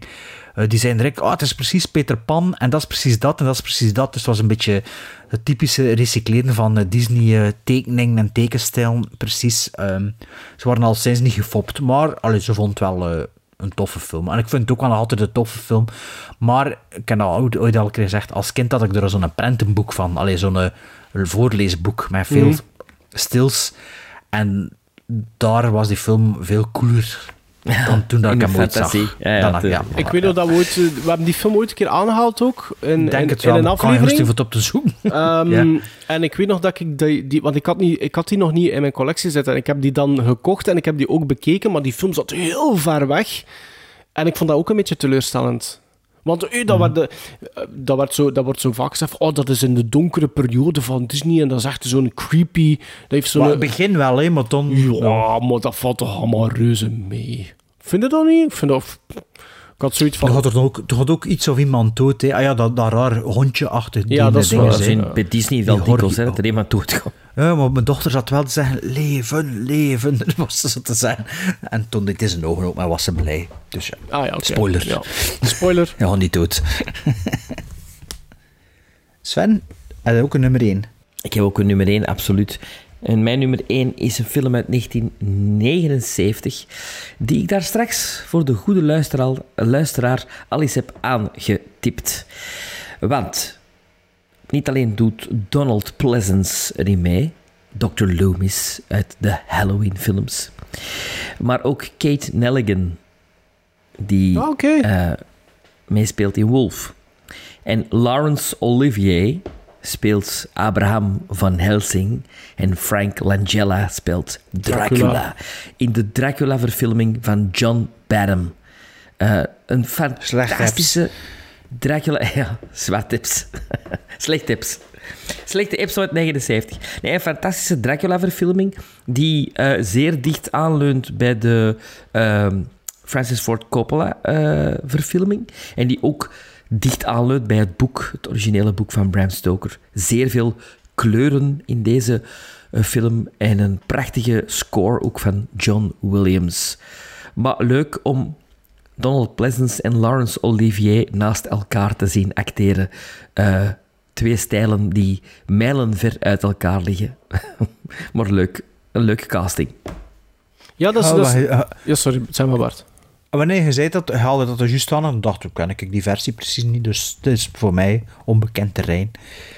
Maar Ah, ja, oké. ja, maar ja, Dracula, ja, dat is Dracula. Dus ja, Dat is Dracula, hè? eh, Maar ja, als je dat verhaal dan kent, like de originele Dracula, denk ik nu al langs nog een keer gezien, ik geef dat maar 4 op 10, hè. Ik geef dat maar 4 gizmos. Allee, joh. Van Bela Ja. Lugosi heeft hij hij. Ja. Maar dat vind ik... De Maar ja, misschien dat ik hem nog een keer opnieuw zien dat het beter is, hè, maar ja. Ik heb nee. dat paar jaar geleden voor, het- voor de eerste keer gezien. Ik was daar Ja, helemaal van onder de ik weet voet. het, ik weet het, ik weet het. Dat is eh, toen ik bezig was met de voorbereiding van dit stukje, eh, is er mij een... eh, vond ik een, een, een, een movie made for TV uit 1972, ook een adaptatie van, van Dracula. En er was effectief ook iemand die in de Halloween-franchise dan Dracula portretteert in die film. Maar ja, aangezien dat ik die film nooit zag, heb ik hem ook niet in die top 3 gestoken. Maar het toont maar aan van, amai, er zijn er nog adaptaties dat ik eigenlijk wel... En dat leek mij wel een interessant en die kreeg ook een redelijk goede, eh, redelijk goede quotering op, op IMDb. Ik denk dat dat minstens een 6,5 of zelfs misschien zelfs een 7 was. Dus dat is wel eentje dat ik ook nog een keer moet zien, eh, zien te vinden. Deze was het Amerikaanse antwoord na de Christopher Lees. Na de Britse Ah, ja, ja, de versies. Hammer-films, ja. Ik heb op nummer 1 heb ik een, een film staan. ehm, en ik denk echt dat dat een film is die een beetje in een ander daglicht moet komen te staan. Of herontdekt moet, moet worden, vooral. Het is een film uit 1986. En eh, een van de personages die daarin, of een van de acteurs die erin meespelen, is Bill Moseley. En die zit ook in eh, Halloween van, van Rob Zombie. Het is een film van Toby Hooper. Ja, niemand minder dan Toby Hooper. En dat is de sequel op een van de meest eh, bekende, eh, laten we zeggen, horrorfilms, eh, namelijk The Texas Chainsaw Massacre 2.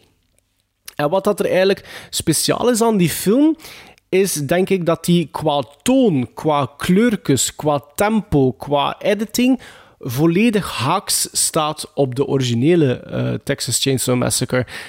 Sven, hold your horses. Er wordt nog meer in geschreeuwd dan in de eerste... Is dat in het radiostation Ja. of is dat een 3? Nee, dat is in het Ah, radiostation. Met Dennis Hopper. Met inderdaad Dennis Hopper eh, als sheriff of... of En die hadden toch zo'n affiche als de Breakfast Club ook. hè? Ja, ja. Ja, Of dat is klopt. de 3? Nee, dat is de tweede. dat is de tweede. Ja, ja. Dus het gaat effectief over een, een, een female radio host, vertolkt door Carolyn Monroe, wat dat eigenlijk wel een hele bekende actrice is in het... ehm, Carolyn Williams bedoel ik. In het horror-genre is dat wel iemand die heel gekend is. Ehm, dus zij wordt zowat geterroriseerd door eh, de, de Cannibal Family die we kennen uit, ehm, uit de eerste film. Terwijl dat Dennis Hopper, een Texas Marshal, ook jacht maakt op diezelfde familie. Er wordt heel veel in geroepen door eh Carolyn Williams, Sven. Dus eh, je kunt er naar kijken, maar het is nu niet dat je dat euvel ehm, niet gaat hebben. Maar dat is qua toon volledig anders dan de eerste film. Dat zit, dat zit doorspekt met tongue-in-cheek humor en andere variaties van humor. Dat is heel vibrant eh, van colors. Dat is over-the-top acting, zowel eh, en, en niet het minste door eh, Bill Moseley bijvoorbeeld, door het personage van Bill Moseley. Die eerste tien minuten is, is, is, is, is, is heel, memorabel, heel memorabel wanneer dat er een, een soort van feestende tieners eh, op een soort van highway en dan denk ik over een, een brug rijdt en die rijden dan naast de, de vehicle waar dat een, een, een Leatherface met zijn, met zijn kettingzaag plots op tak zoals staat eh, rond te zwaaien met zijn chainsaw. Dus de, de toon is eigenlijk onmiddellijk gezet. En ik denk dat, dat, dat, dat er heel veel mensen, net omwille van die shift in toon, dat zo'n beetje heel vreemd vonden. En ik moet eerlijk zijn, ik denk dat ik dat in eerste instantie ook zo vond. Maar het was pas tijdens een tweede viewing dat ik zoiets had van... Ah ja, juist, dit is de bedoeling ehm, van, van, van Toby Hooper in, in, in die installment. Dus ik denk echt wel dat die sequel een film is die eigenlijk wel wat herontdekt mag worden, worden en daardoor eigenlijk ook wat onbemind is ehm, in die franchise. En de franchise die trouwens echt wel vanaf deel 3 dan de dieperik inging met eh, Matthew Is McConaughey deel- en Renee Zellweger. Hè. Dat, is, dat is deel Is, 3. is drie ook met dinges met de, de Eastern Promises? Viggo Mortensen? Ja. Dat weet ik eerlijk Nee, ik denk dat... Ik weet het niet zeker. Dat durf ik niet met zekerheid te zeggen. Of dat dat niet de vierde is dan. Of dat is dat de- ook de derde is is. Next Generation, is dat drie of is dat vier? Eh, Next Generation is drie volgens mij. Ja, ik denk dat hij daarin meespeelt. Eh, het zou is zo lang geleden. Ja, mijn eh, nummer 1 is een film waar Kyle Richards in speelt. Ze speelt Lindsay in Halloween 1. Maar hier speelt ze Debbie Parent. En ze speelt samen in een film met James Brolin, Kathleen Lloyd en John Marley. Een film van Elliot Silverstein. Wat eigenlijk een beetje als een, eh, een valse naam klinkt hè, voor zo'n Joodse regisseur. Elliot Silverstein. Een beetje zoals... eh, hoe noemt u, na- wat is de naam meer, Sven? Voor zo'n regisseurs... eh, iets Smithy? Alan Smithy. Alan Smithy. Alan Smithy, ja. Dus, Of- eh, of Ivo Elliot de Sil- Beest. Of, of Elliot Silverstein. Ehm, het is een film van 1977. Ehm, we hadden het daarnet nog over Road Games. En dat is een beetje een film in hetzelfde beetje ziek of in dezelfde stijl. Ehm, het is The Car. The Oh. Car is eigenlijk Jaws, maar in plaats van een haai met een auto. Of Duel, Christine. maar in plaats van een vrachtwagen, een auto. Of Christine. Eh, Maar in plaats van een auto, een auto met... Voilà.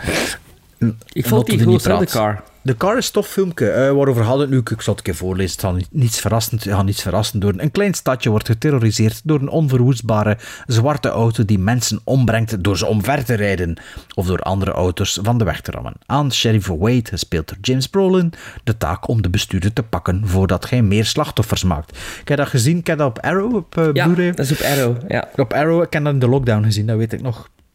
Eh, ik heb dat 6,5 gegeven. Dus dat is zeker eh, plezant. Eh, very, very seven, 70s. Ehm, ja, een beetje zo het genre... Allee, hadden we nog zo van die Otto-films in de jaren 70? ehm, ja... Zo, ja, ehm allee, Starsky en Hutch-achtig. Allee, zo, eh, convoy, stoffige, ja. stofferige baan. Ja, dreigende auto's. zo hè. Ja, Carsploitation, dat is het. Ik weet niet wat die een Elliot Silverstein of wat die nog gemaakt heeft, als dat zijn echte naam al is. Maar ehm, ik vond de car zeer tof. Wacht, ik kan het een keer rap opzoeken. Als ik hier de car, de car, de car. Wat die mens nog gedaan heeft, want dat was eigenlijk wel een deftige film. En nu hou ik eens zien wat die mens nog gedaan Er is heeft. ooit een, ooit een vervolg ook opgekomen in de jaren 90, denk ik. Of later zelfs, The Car 2. Ah ja? Is het waar? Maar is dat, die, is dat, is dat, gezegd. is dat die, die, die poster op de hoes waar dat die, die notto en die heeft zo eh, spikes op, op die notto zitten? Nee, Nee? nee. Nee, dat is, dat is Death Race, Point. denk Ah, ik. Death Race. Ah ja, ja, Death Race 2000. Ja. Ah, oké. Ja. Ik dacht dat dat Nee, ook de nee, car die was. is precies, eh, is precies ding, is Pedro Pascal die erop staat. Wacht, kan ik eens zien. Ja, Wat is de car? James Brolin met een snor. Ja. Ah, ja. Maar ja, maar dat is de Arrow. Kun je, die, die reversible doen? Die originele slip? Dat is de, dat ja, is het de zijn geen spikes, maar het- ja, het is... Het erop? Wel, nee, maar het zijn de lichten van de... Ah, van de Ja, dus misschien dat dat de zult, je verwarring zult dat wel kunnen zien als spikes, als je wilt. Ja. Ja, De car. Is het Phantom, a demon or the devil himself? Is de, de tagline.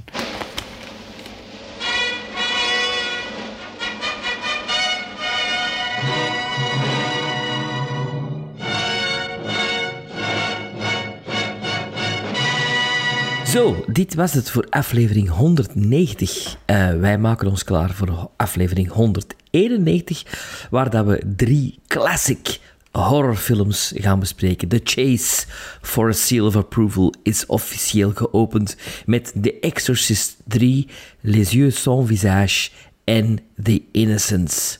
Blijf ons volgen op sociale media, Instagram. Als je de mail wilt sturen, is het uh, gremlinstrikeback at gmail.com. Ehm, en voor de rest, happy Halloween. Now, was that civilized? No, clearly not. Fun, but in no sense civilized.